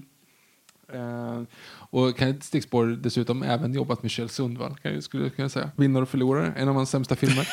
eh, nej, men Filip och Fredrik gjorde ju den här sketch, eller det här programmet Ett herrans liv, när det var typ så här, ja, här är ditt liv, fast i Filip och Fredrik take. Eh, och då var det ju, då klippte de in mycket med sketcher och sådana saker. Och då var det ju då när de pratade om, de frågade eh, Persbrandt hur han kan vara en så här acclaimed actor och ändå vara eh, cool och fräck. Och plus att han också gör liksom svensk films motsvarighet till Smurfhits. och det var ju då Beck-filmerna. Och då så, så skämtade han lite grann om så här, ja, men det, det, liksom, det är ändå kul att kunna göra båda två. Och sen då så spelade de in en sketch där de liksom skämtade att, att eh, Persbrandt själv skulle göra typ de nya 38 filmerna liksom, med typ på nollbudget, att han bara hyrt in något, något random filmteam från gatan. Ja. Eh, och då gjorde de det utanför filmhuset. Det var liksom typ två timmars inspelning, bara skickade ihop massa folk och så skulle vi fejka en Beck-filmsinspelning. Liksom. Ehm, och då är jag alltså motsvarande så här forensics-snubben. Liksom. Och vi hade ju noll regi. Alltså, ingen visste vad som skulle hända. Det fanns ett riktigt Beck-manus på plats. Alltså så här, för ett skriven som en Beck-film.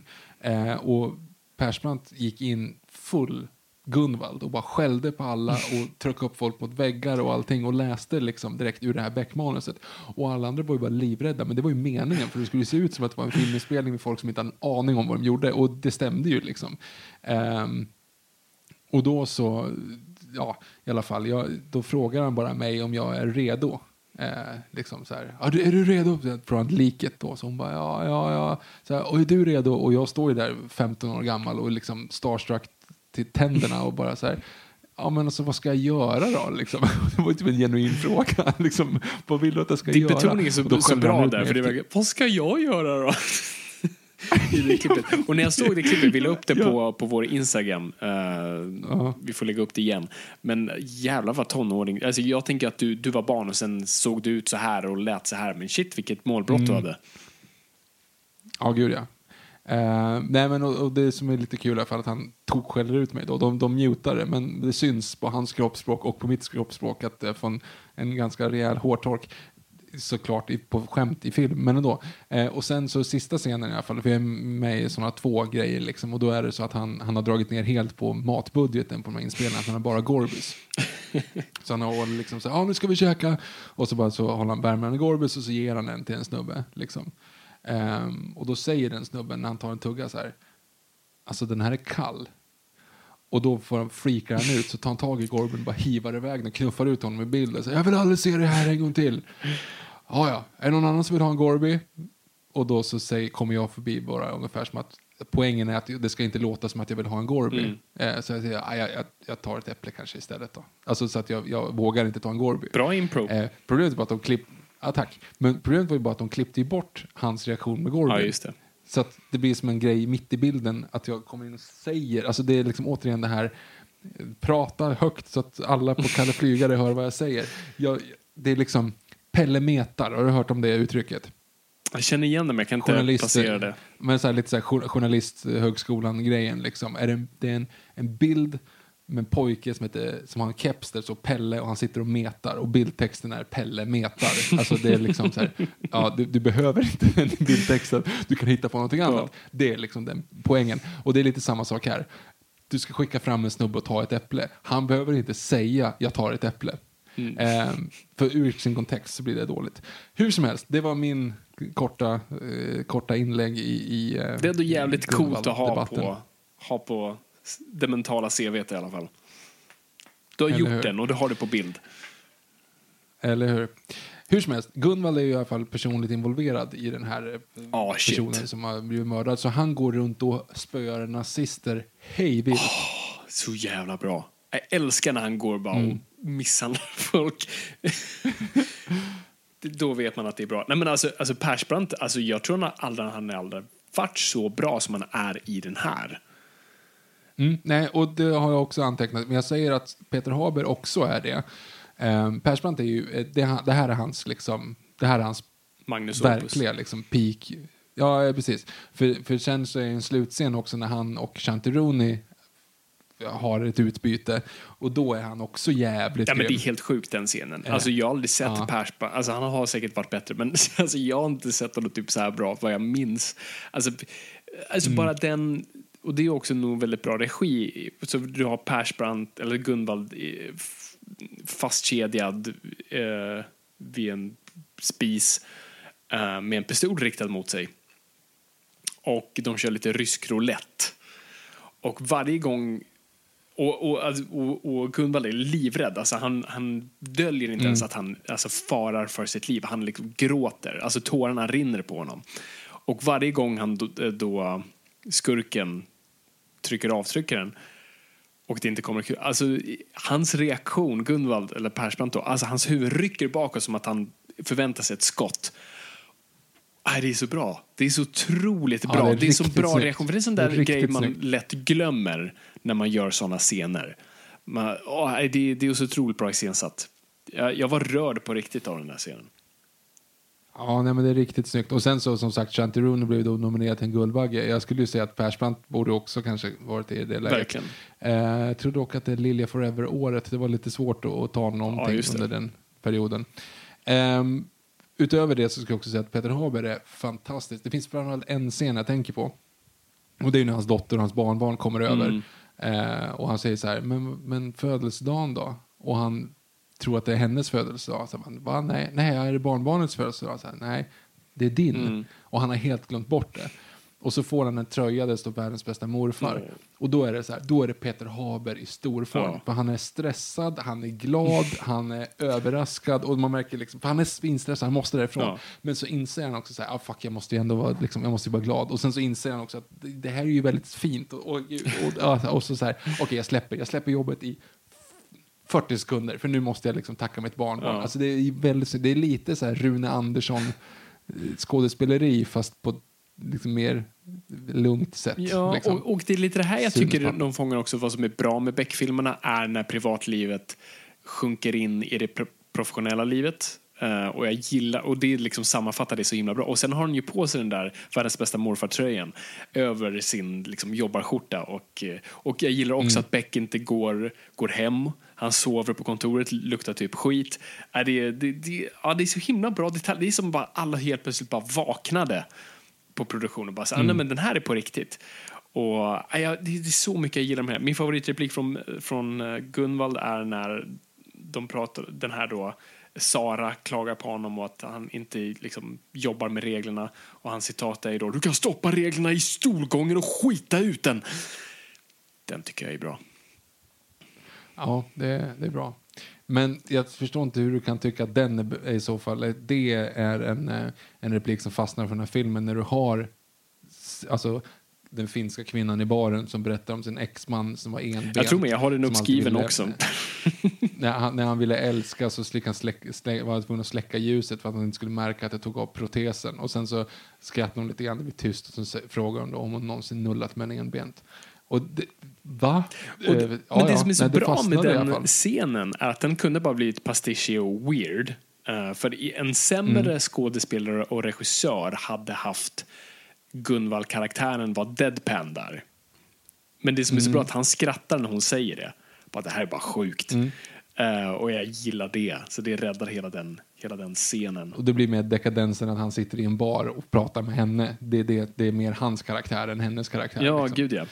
Att det har gått så lågt, eller man säger. Precis. Sen har du ju, sen ska vi också, den här filmens version av heli- helikopterscenen i Mannen på taket är ju explosionen i hötorgsskraporna. Just det.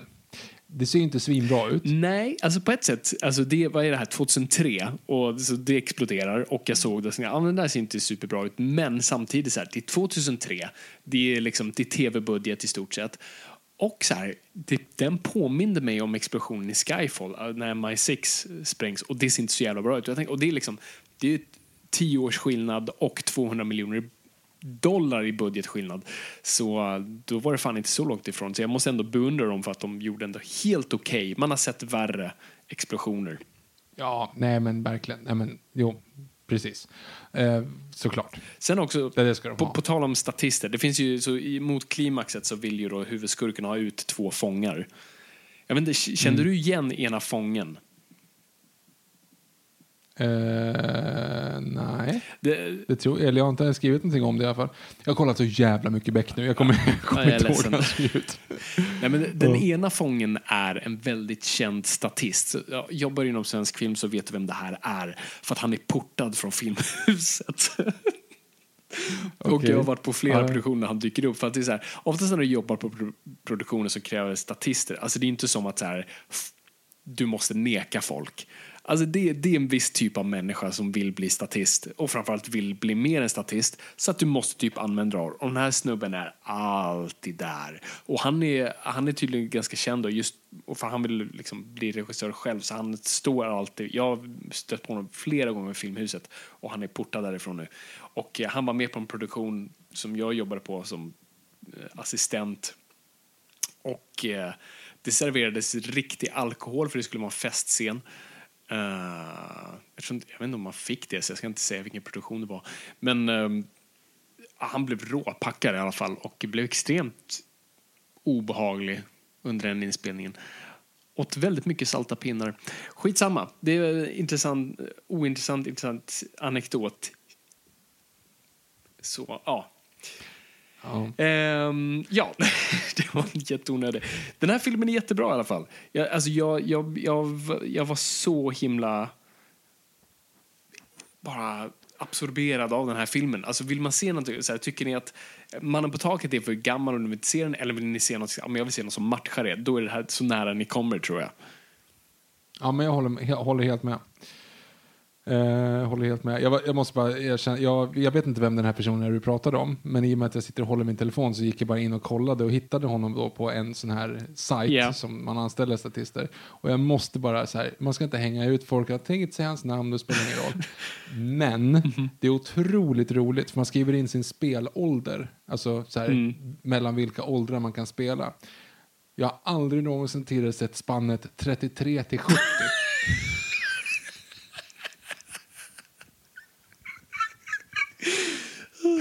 Ser typ ut att vara 65 i den här Beck-filmen. Jo men oavsett, jo, men, ja, men ändå just 33 till 70. Du kanske skriver liksom på sin höjd 15 års liksom. Ja, jo precis. Ja, ja, det var Det är intressant. jätteroligt. Ja, alla får göra som de vill. Japp. Eh, Ska vi gå vidare? vart var vi? Jo, Eller hade du något mer? Ja, men jag, jo, men jag tror det. Mm. Jag tror det. Nej, men jag egentligen inte, utan det som är liksom, jag ska bara, det är ju den här explosionen i Hötorgsskrapan och det är egentligen en decoy för en annan liksom, fångtransport och sen så kommer det, det är ju stora skottlossningar och Mm. allting. Men det är fyra personer som dör och sen så tror jag att det är en rånare som dör också. Fem ska jag säga då, för att en blir ju skjuten liksom ganska Ja. eh, rejält. Men, men annars är det liksom, det är troligen fem som dör. Mm. Nästa film i alla fall. Jag, jag måste bara lägga till Har en också- grej. Eh, och det är att grannen och Beck verkar ha flyttat tillsammans. För de bor inte i samma fastighet som i första säsongen. Så det tycker jag är väldigt gulligt i så fall. Ja. Eh, för övrigt är också en intressant grej att i boken så är det väldigt uttalat att han bor i Gamla stan, Beck, eh, på Köpmangatan. Men, eh, men i och med liksom regleringen då så antar jag att det kan man inte göra längre för att det hade han varit mångmiljonär. Liksom. alltså han klagar ju rätt mycket på på liksom så att, eller de, de pratar rätt mycket om att ja, men nu höjer de hyrorna så hemskt, de försöker bara trycka ut oss i förorterna. Liksom, Mm. och de river in i stan för att alla bankpalats och, och betong och, och stål ska liksom ta över allting så alla måste bo någon annanstans.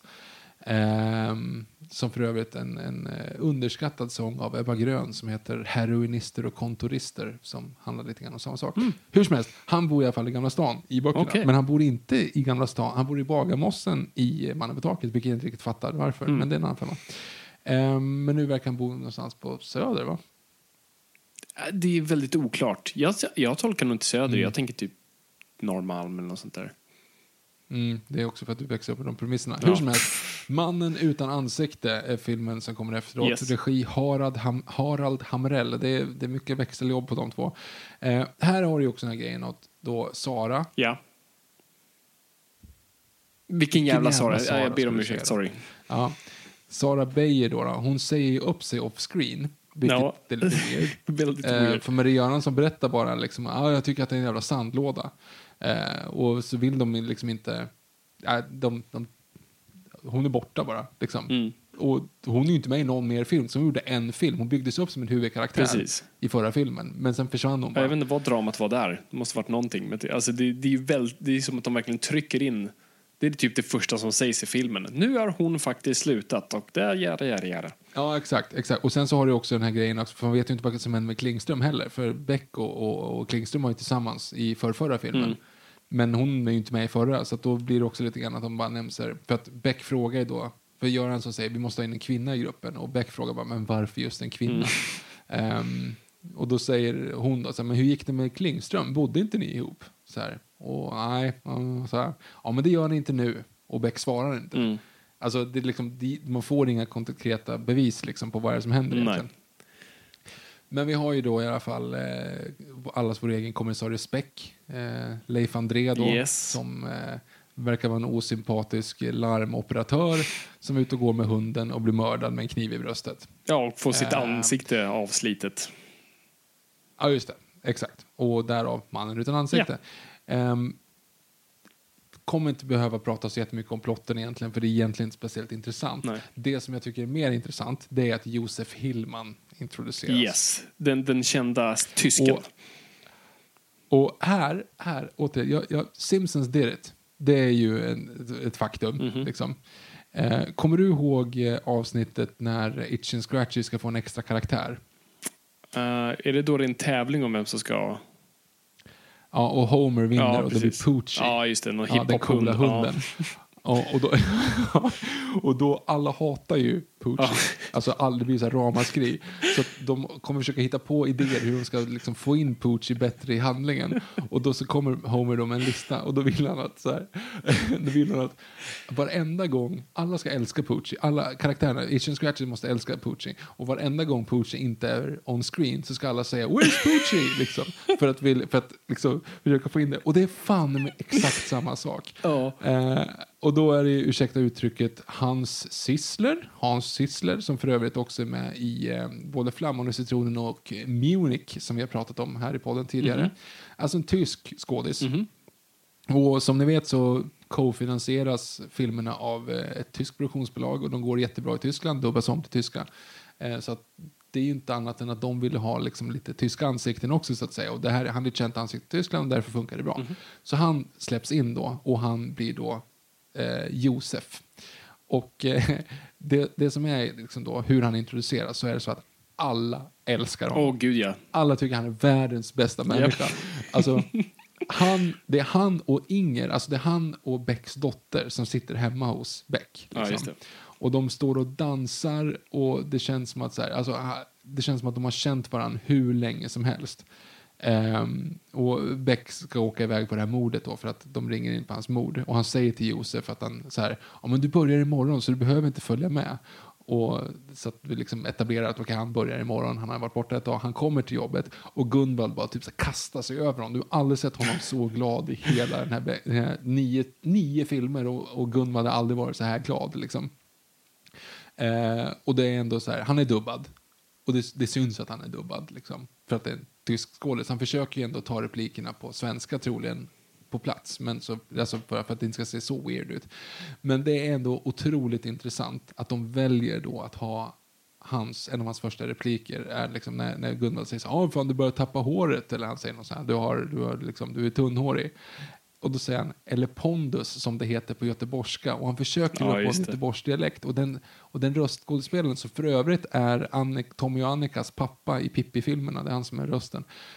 Nailar inte riktigt den. Och Mm. Nej. det blir liksom så här, "Ugh." Och det, uppe, äh, det blir inte bra alltså. Nej, gud nej. Det blir inte bra. Men kommer du, alltså det är ju typ som att få reda på att tomten inte finns när man fick höra att han var dubbad. Eller var du en sån som Ja, fattade tror det?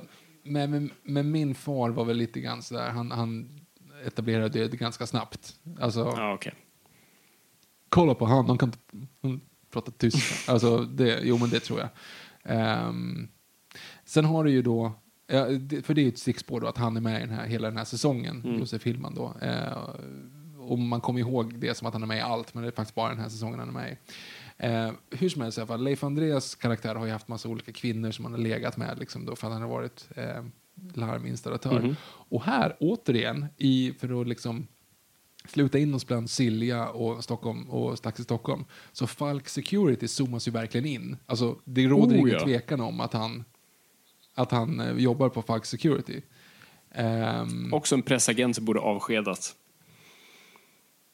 Ja, och sen Hotell Oden, samma sak. Han tar ju sina kvinnor till Hotell Ja, Oden och ligger med dem. Ett faktiskt också hotell. etablerad med faktiskt för att de visade en tändsticksask där det till och med står deras ehm, adress. Alltså det, det liksom så här, det, det, det känns sådär kanske ett hotell som ställs in för att ja, men här, hit kan man åka och hyra in sig några timmar och åka härifrån. Liksom. Ehm, och så blir det lite grann om så här hedersmord och sådana saker och jag vet inte hur, hur mycket det stämmer men, men det blir ändå liksom ehm, det, lite, det finns ju lite grejer där, alltså när de ändå tar parti för, för, eh, för den mannen som misstänks då, då. Och han är ju liksom, han är utbildad läkare, men han eh, sitter som spärrvakt. Liksom. Men Gunvald kastar det ut det genom fönstret genom citat här som är mitt favorit Gunvald-citat i filmen. Inte för att det är bra utan för att det bara i kontexten är weird. Nu är det dags... Jag måste härma. Nu är det dags för klarspråk din jävla bönrullare. Ja, just det. Ehm, ja, nu, det, är också taskigt. Uh, Michalis heter han ju, eller Mikalis, han är ju grek. Eh, han har ju varit med i eh, bland annat ja, men han är ju Dragan Armanski i Män som hatar kvinnor. Ja. Ehm, alltså den här säkerhetskillen.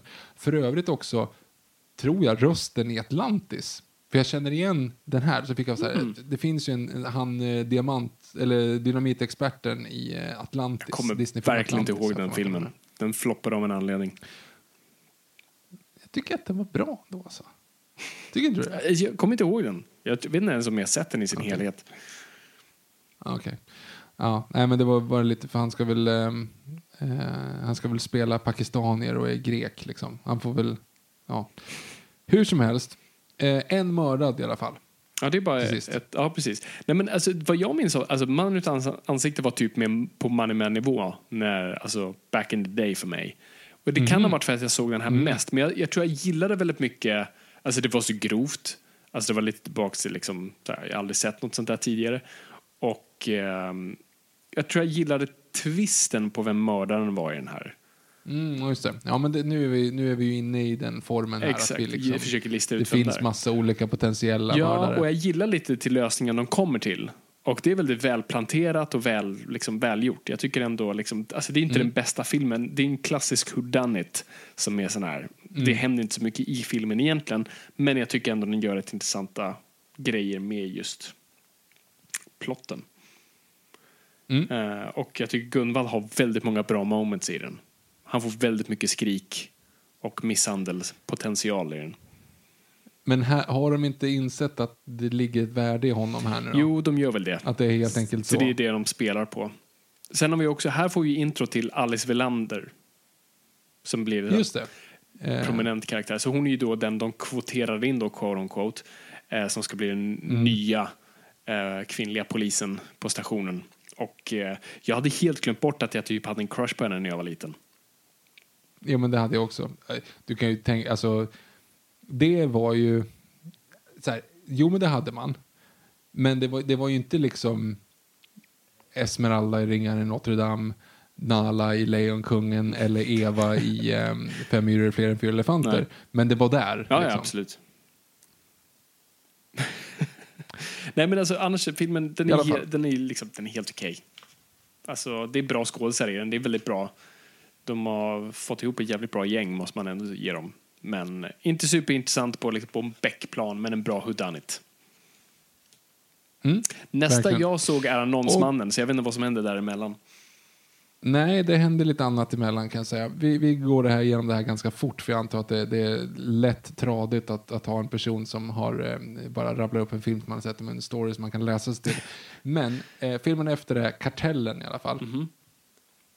Eh, så här, restaurangägare som blir mördad av jugoslaviska maffian. Man känner så här oj vad ni inte har gjort research här. Och det är inte liksom ehm, det, det är liksom det finns en eh, det finns en scen som jag framförallt tänkte på som, som ger lite grann så här det här är en ny typ av rå jag ska inte säga humor, men det är någonting rått över det. Och det har vi sagt här till att det blir ju eskalerande i liksom råhet. Men den här mannen då som äger en restaurang och jugoslaviska maffian kommer dit och tvingar honom att betala någonting och han säger nej och han kastar typ sin köttkvarn liksom. Han blir styckad typ. Och då är det i alla fall att han kommer till den här eh, obducenten då, som samma obducent i alla, alla filmer. Eh, och så är det liksom, det är kroppsdelar överallt. Och han ska, man ser, eh, de säger liksom bara så här, ja men eh, har du obducerat? Nej, jag ska obducera honom nu. Och så liksom håller han i skarpellen och så tittar han på de här ben, alltså den här styckade kroppen. Och typ så här, vad fan, var ska jag börja? Alltså man, han ger bara en blick av liksom, "Ja, vad, jaha, hur ska jag kunna göra det här? Och det blir liksom, den är ganska subtil men den är ändå liksom, det är den sista delen i en scen. Sen byter de att de är utomhus. Liksom. Ja, okej. Det är som att det, skämtet är att åh, den här kroppen är så sargad så det går inte ens att obducera. Som ett skämt. alltså det är lite, eh, lite udda. Det är en scen dock som, som är ganska känd, eller varför den här kommer ihåg, det är att eh, Gunvald stukar foten i den här. Jaha. Så han går omkring på kryckor hela tiden. Och det finns ju massa olika så, outtakes när han ramlar omkull. Eh, så är det. Och sen så är det väl inte så mycket mer. Han, börjar, han får massa pappersarbete så han fixar en ny kaffeautomat till jobbet och sådana saker. I och med att han inte får gå ut i tjänst så sitter han alltid bara och klagar på kontoret. Han fixar en ny kaffeautomat för att alla klagar på kaffeautomaten. Ehm, han är jävligt sur på eh, hon Alice då som kommer in och får massa fräcka grejer. Eh, eller tycker han då, fast hon egentligen bara är med i teamet. Ehm, I övrigt så är det inte så jättemycket. Det är lite grann om så här, sprit i myndigheten eller inspektionen som de tycker är lite liksom, taskig. Eh, Eller som tycker är lite dåligt skött. Och sen så är det den här sista scenen med Rafael Edholm och en, han har en mygga och ska in till lite big, stora Big Boss och det är uppenbart att det känns inte som att det är eh, jätteverkligt. Liksom. Jag tror inte att det ser ut så här. Ehm, och sen så slutar med att Alice skjuter skurken i pannan, vilket är ganska grovt för att vara till första. Hur som helst, eh, två döda, alltså två mördade, så, och sen att eh, polisen skjuter två skurkar också då. De är inte riktigt mördare. Sen kommer en film som jag tror att du har sett också. Som också det här är nog den filmen jag såg mest om jävla anledning. Vilket också blir helt jävla sjukt när man tänker efter. Och det är ju Enslingen. Jag känner igen Kommer den, men jag har inget... Jag kopplar inget just nu. Det hittas ett eh, lik i vattnet eh, inne i stan och sen så är det en man som är skjuten ute i skärgården på Vansö som för övrigt inte finns, eh, ingen riktig ö som finns där. Eh, men det är ganska fräck, den är filmad liksom off-season i Stockholms skärgård vilket är ganska coolt. Det mycket, liksom, Förekommer det en masta i den här? Det kan det göra nu när du säger det. För jag minns En en... röd bil det Ja, de pratar väldigt mycket om en masta. Det är det Mm. enda jag minns. Och har det någonting med bakelser att göra också? Ja, exakt. Yes, då vet jag vilken det är. hjärtan, Vansö hjärtan. Fan, den hade jag Mm. velat se. Den, den minns jag också som en av de bra. Ja, nej men den här är faktiskt ganska bra, måste jag säga. Ehm, det är ju lite grann så här, du- har typ fyra, fem olika potentiella mördare och det, det är liksom in- intrikat. Ehm, referensen, ehm, vi har lite körigt, vi kanske ska ringa Nisse på Manpower och få hjälp. Den är kul. Ehm, vi får äntligen se Gunvald Larsson snacka thailändska. Såklart. Ehm, och sen så är ju ehm, en, den stora grejen egentligen som jag tycker är det bästa i den här. Alltså, för det handlar ju om det är, eh, thailändska kvinnor som har lurats till Sverige för att och blivit typ sexslavar. Plus att en snubbe som blir mördad ute i skärgården. Och ja. de har varsitt olika case. Liksom Gunvald får då eh, tjejerna och Beck och Alice får han ute i skärgården. Och sen så visar det sig att de har med varandra att göra lite grann då. Ehm, så. Ehm, nu försvann jag lite grann i micken men för att jag skulle visa med händerna och jag glömde bort att jag måste prata i en mick.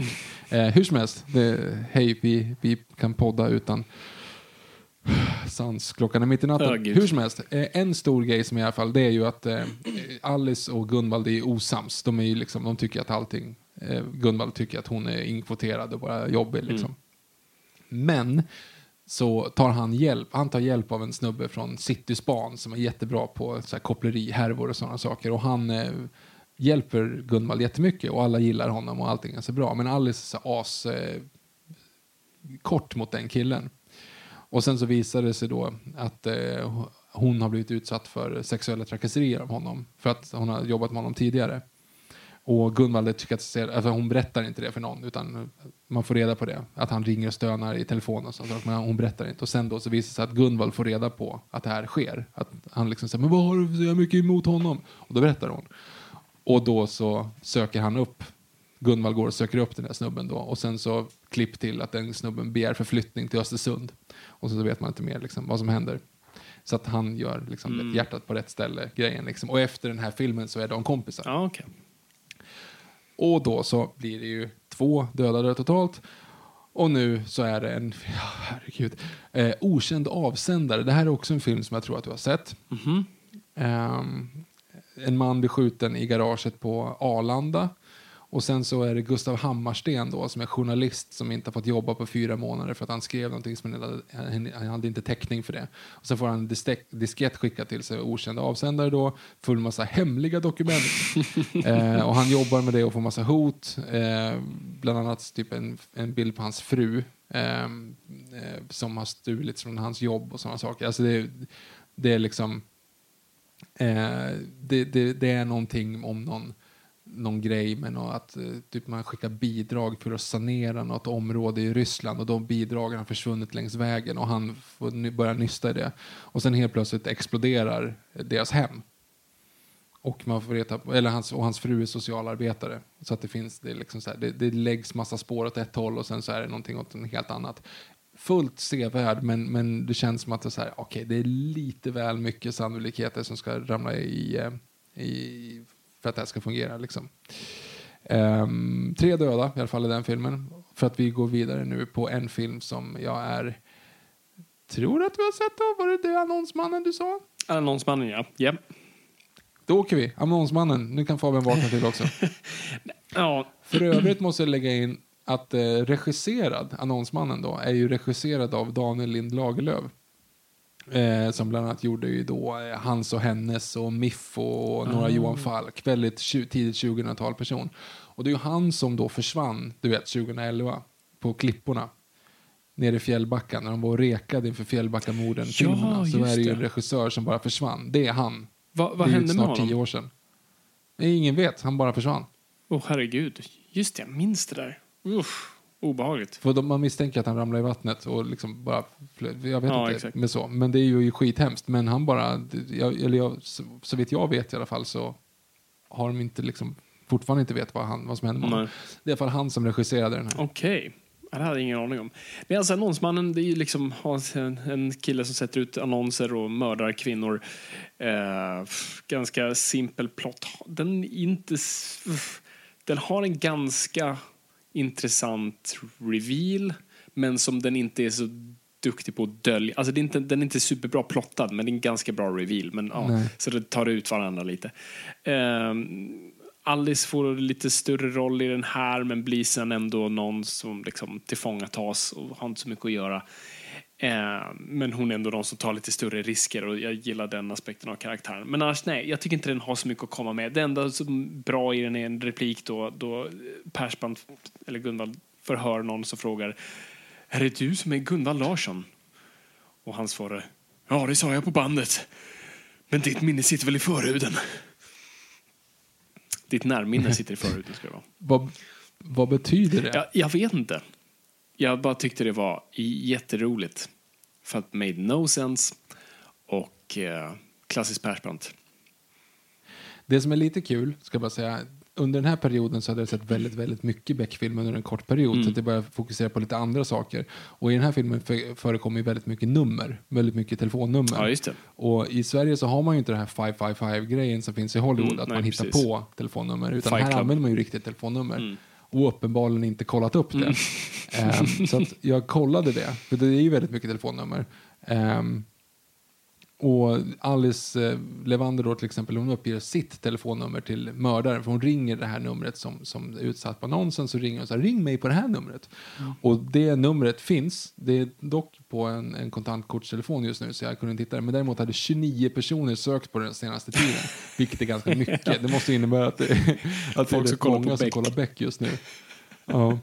Eh, och sen då så mördaren ringer ju upp Alice och de bestämmer träff och mördaren har då också sitt nummer utskrivet. Och då kollar du, för det är ju det här numret som förekommer jättefrekvent. Alltså det är ju uppsatt på alla lappar. Så man Mm. ser de lapparna kanske fem, sex gånger i filmen. Och den går ju till, ett, till en uh, Ingemar Fransson i Lindesberg. Eh, det, det måste väl ändå kännas lite sådär, liksom att en, så här, en våldtäkts, mördande våldtäktsman, liksom, så här, och så är han nummer går till honom, liksom, Ja, precis. i Lindesberg. Tror du många som ringer och frågar om efter Eh. soffor? Ja, men det borde ju, det måste ju vara, någon gör Någon det. om året. Någon gör det. Ja, ja.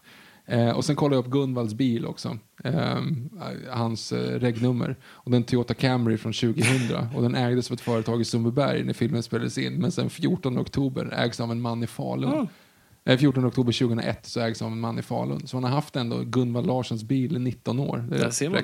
Så den referens, och sen så lite så här popkulturella referenser. Är ju, de drar ju re, referens till Arkivex. Ja, just det. Ehm, och sen så är det utomhusreklam för filmen Naken i bakgrunden. det är kul. Ja, som fick en remake för typ ett år sedan. Vilket är rätt sjukt. Ja, med Wayland Brothers Ja, va? precis. För Netflix tror jag den var. Jag kommer inte ihåg, så jag tror den finns på Mm. Netflix. Ja, alltså det- jag tycker inte det är så mycket intressant med den här filmen. Bah. Nej, mördaren, hans, mördarens bil var skrotad 2014. Ja, sorgligt. Mm, det var synd. Mm. Okej. Nä- Nästa jag har sett är den sista i den här serien. Jag vet inte om det var några filmer däremellan, den Sista vittnet. Jo då, det det är en emellan. En film som jag också kommer ihåg väldigt mycket, som du kanske också kommer ihåg, och det är Pojken i glaskulan. Ja, det är för övrigt en mördad i förra filmen. Eh, och det är då en ihjälslagen kvinna, som, och så hittar man då hennes autistiska son, så här nedblodad i samma hus. Man misstänker att det är han som har gjort det. Och det är massa olika grejer, eh, som, massa olika grejer som, som sammanspelar det här. För att Josef Hillman då, alltså den tyska skådisen, han har ju en ganska framträdande roll i den här. För han, det är ju hans liksom personliga grej i den här Just det. filmen. Vilket är lite jobbigt för att när han får för mycket screen time så tänker man jättemycket på att han är dubbad. Liksom. eh, och, och det är lite jobbigt, måste jag säga. Mhm. Ehm, så att jag vet inte om jag ska göra någonting annat. Men det är ju liksom, det, det är några det är några repliker som har fastnat och det är ju den här eh, nu är du ute på jävligt hal is kommissarien. Du vet som Gunvald säger till Beck. Eh, och sen eh, när Beck och grannen pratar om eh, gamla kompisar för han är ju rädd då att, att Josef har mördat henne. Så att han frågar ju, och Josef är hans gamla polare, så han, han frågar henne, grannen då, så här, du, eh, har du några gamla polare? Ja, för fan, Bagar-Lasse. Tror du att Bagar-Lasse skulle vara kapabel att mörda någon? Absolut, sa han. Det är lite kul. Undrar om han Ehm, hänger med Tre Pissbosse. mördade.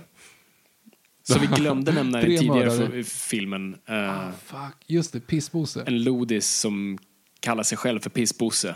Och en gång ser inte alls ut som en lodis, ser ut som en eh, absolut välmatad skådespelare. Som de Men sminkat. inte ens det, det är en sta- ja, statist. Men de kallar mig för Pissbosse. Sortera. Ja, det är kul. Tre mördare i alla fall i den filmen och vi går över på den sista filmen vi ska prata om idag. Ja, Och det är ju Harald Hamrell, Harald Hamrells Sista vittnet. yes. Det här, En film som är en timme och 45 minuter, vilket innebär att den är väldigt mycket längre än Jurassic Park 3. Exakt, för jag kollade om Jurassic Park 3, bara, inte hela filmen, bara för att se när slutar egentligen filmen. Den slutar på en timme, 21 minuter och 11 sekunder innan eftertexterna går. Du vet, du kan googla sånt. Nej, men jag var tvungen att kolla bara för Ja, skull. En timme, 21 minuter och 11 Det är helt sekunder innan eftertexterna Det går. är helt galet. Uh, ja. men sis- Sista vittnet var lite sån här, var en weird film. För jag trodde att det var typ den sista Beck-filmen när den typ kom. Så jag tolkade det bara som att säga, ah, det, här, det här är liksom, det, nu är det över. Nu, går liksom, nu ska Beck gå i pension. För hela, hela kretsar kring att Martin Beck har hjärtproblem. Att eh, han kan dö när som helst. Och eh, han måste börja ta medicin och sånt där.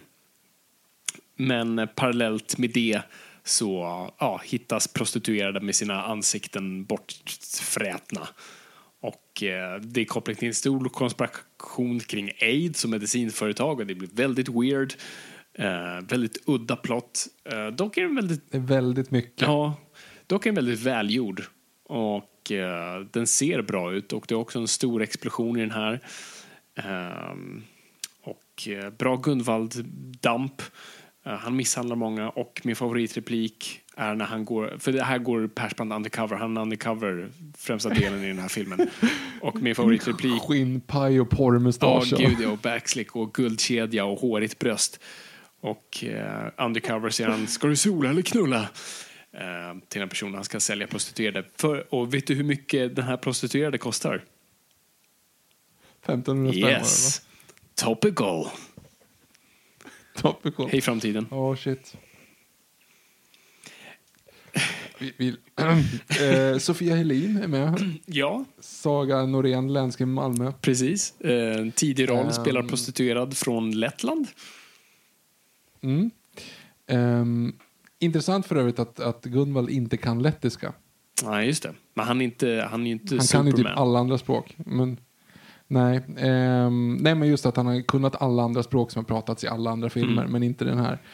Ehm, och Martin blir lite lurad av en, av en kvinna. Ja, och det, det är också, det är bra, Ja. bra Peter Haber moments. Han får skådespela rätt mycket i den här. Och han har en bra scen när han bryter ihop framför sin dotter som är väldigt bra bara. Ja, riktigt snyggt.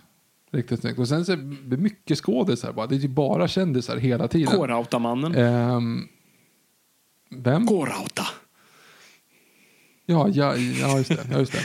Eh, Anki Lidén ehm, spelar företagets vd. Ja, just det. Eh, du har Thomas Hansson med som en lite henchman där på sidan. Just det.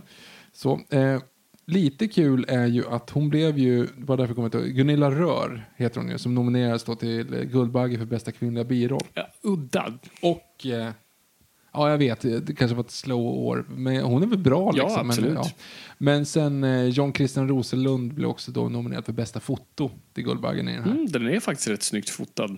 Måste jag ge den. Så att det är ändå, nu märks att nu är det lite budget igen. Liksom. Ja. Ehm, och det blir ju hela den här grejen med att han typ så här kommer han att dö? Kommer det här att gå åt? Precis. Kommer det här? Och han liksom det ska ligga som en, som en bomb under bordet hela tiden. Mm. Liksom. En referens till galna kosjukan också, vilket är Topical. topical not. Nej, men det, jag, jag tycker just, just Martin Beck, Peter Haber-aspekten av det. Jag gillar det, för jag gillar när Beck eh, reflekterar mycket över sin dödlighet och hur gammal han är. Det roliga, han är 49 bast, han säger de rakt ut. Och bara, herregud, Peter Haber var ju typ ett barn. 49 bast är ingenting. Men på den här tiden var du nära döden fortfarande. Ehm, 2003. Ja, det är det som är så roligt. Jag har sett Peter Haber som gammal ända sedan jag såg Beck-filmerna. Men han är ju stort, ja, han är lika gammal som min farsa. Och eh, ja, nu är han ju gammal. Men då var han ju inte det. Men eh, han bara hade ett sånt du har väl alltid sett honom som en pappakaraktär oavsett? Alltså jag menar, Ja. När du kollar liksom Sune, Ja, Gunde precis. jag på säga nu, nu börjar vi se en ja. Nej, men det är väl också för... När, Gunde sommar. Herregud. Vi ska snart Åh, klappa ihop det här. Men, nej, men det är just det att han, eh, när han hade hår så såg han ung ut. Sen när han hade hår i, sina vanliga filmer och i verkliga livet. Och sen hade han ju då inte hår i Beck.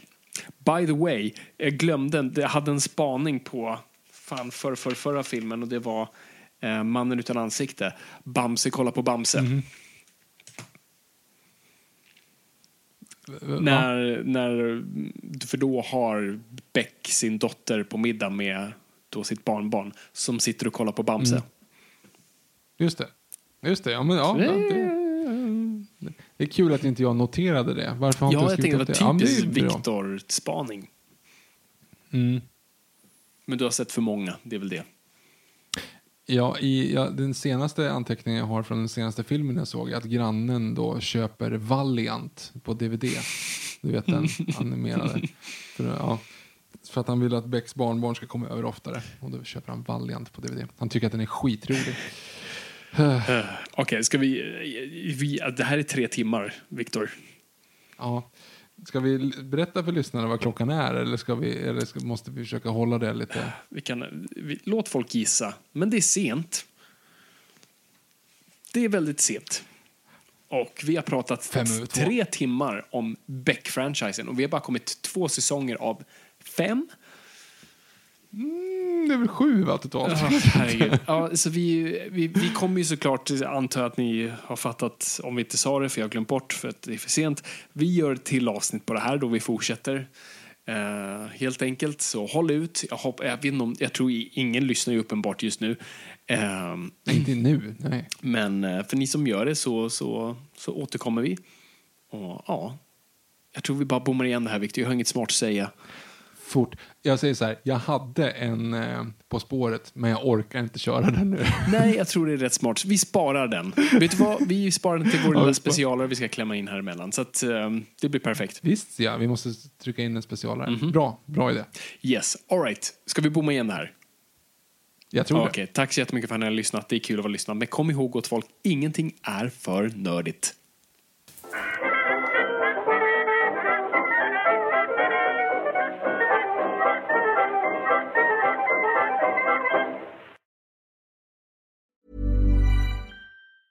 Mom deserves the best, and there's no better place to shop for Mother's Day than Whole Foods Market. They're your destination for unbeatable savings, from premium gifts to show-stopping flowers and irresistible desserts. Start by saving 33% with Prime on all body care and candles. Then get a 15-stem bunch of tulips for just $9.99 each with Prime. Round out Mom's menu with festive rosé, irresistible berry chantilly cake, and more special treats. Come celebrate Mother's Day at Whole Foods Market. Mom deserves the best, and there's no better place to shop for Mother's Day than Whole Foods Market. They're your destination for unbeatable savings, from premium gifts to show-stopping flowers and irresistible desserts. Start by saving 33% with Prime on all body care and candles. Then get a 15-stem bunch of tulips for just $9.99 each with Prime. Round out Mom's menu with festive rosé, irresistible berry chantilly cake, and more special treats. Come celebrate Mother's Day at Whole Foods Market.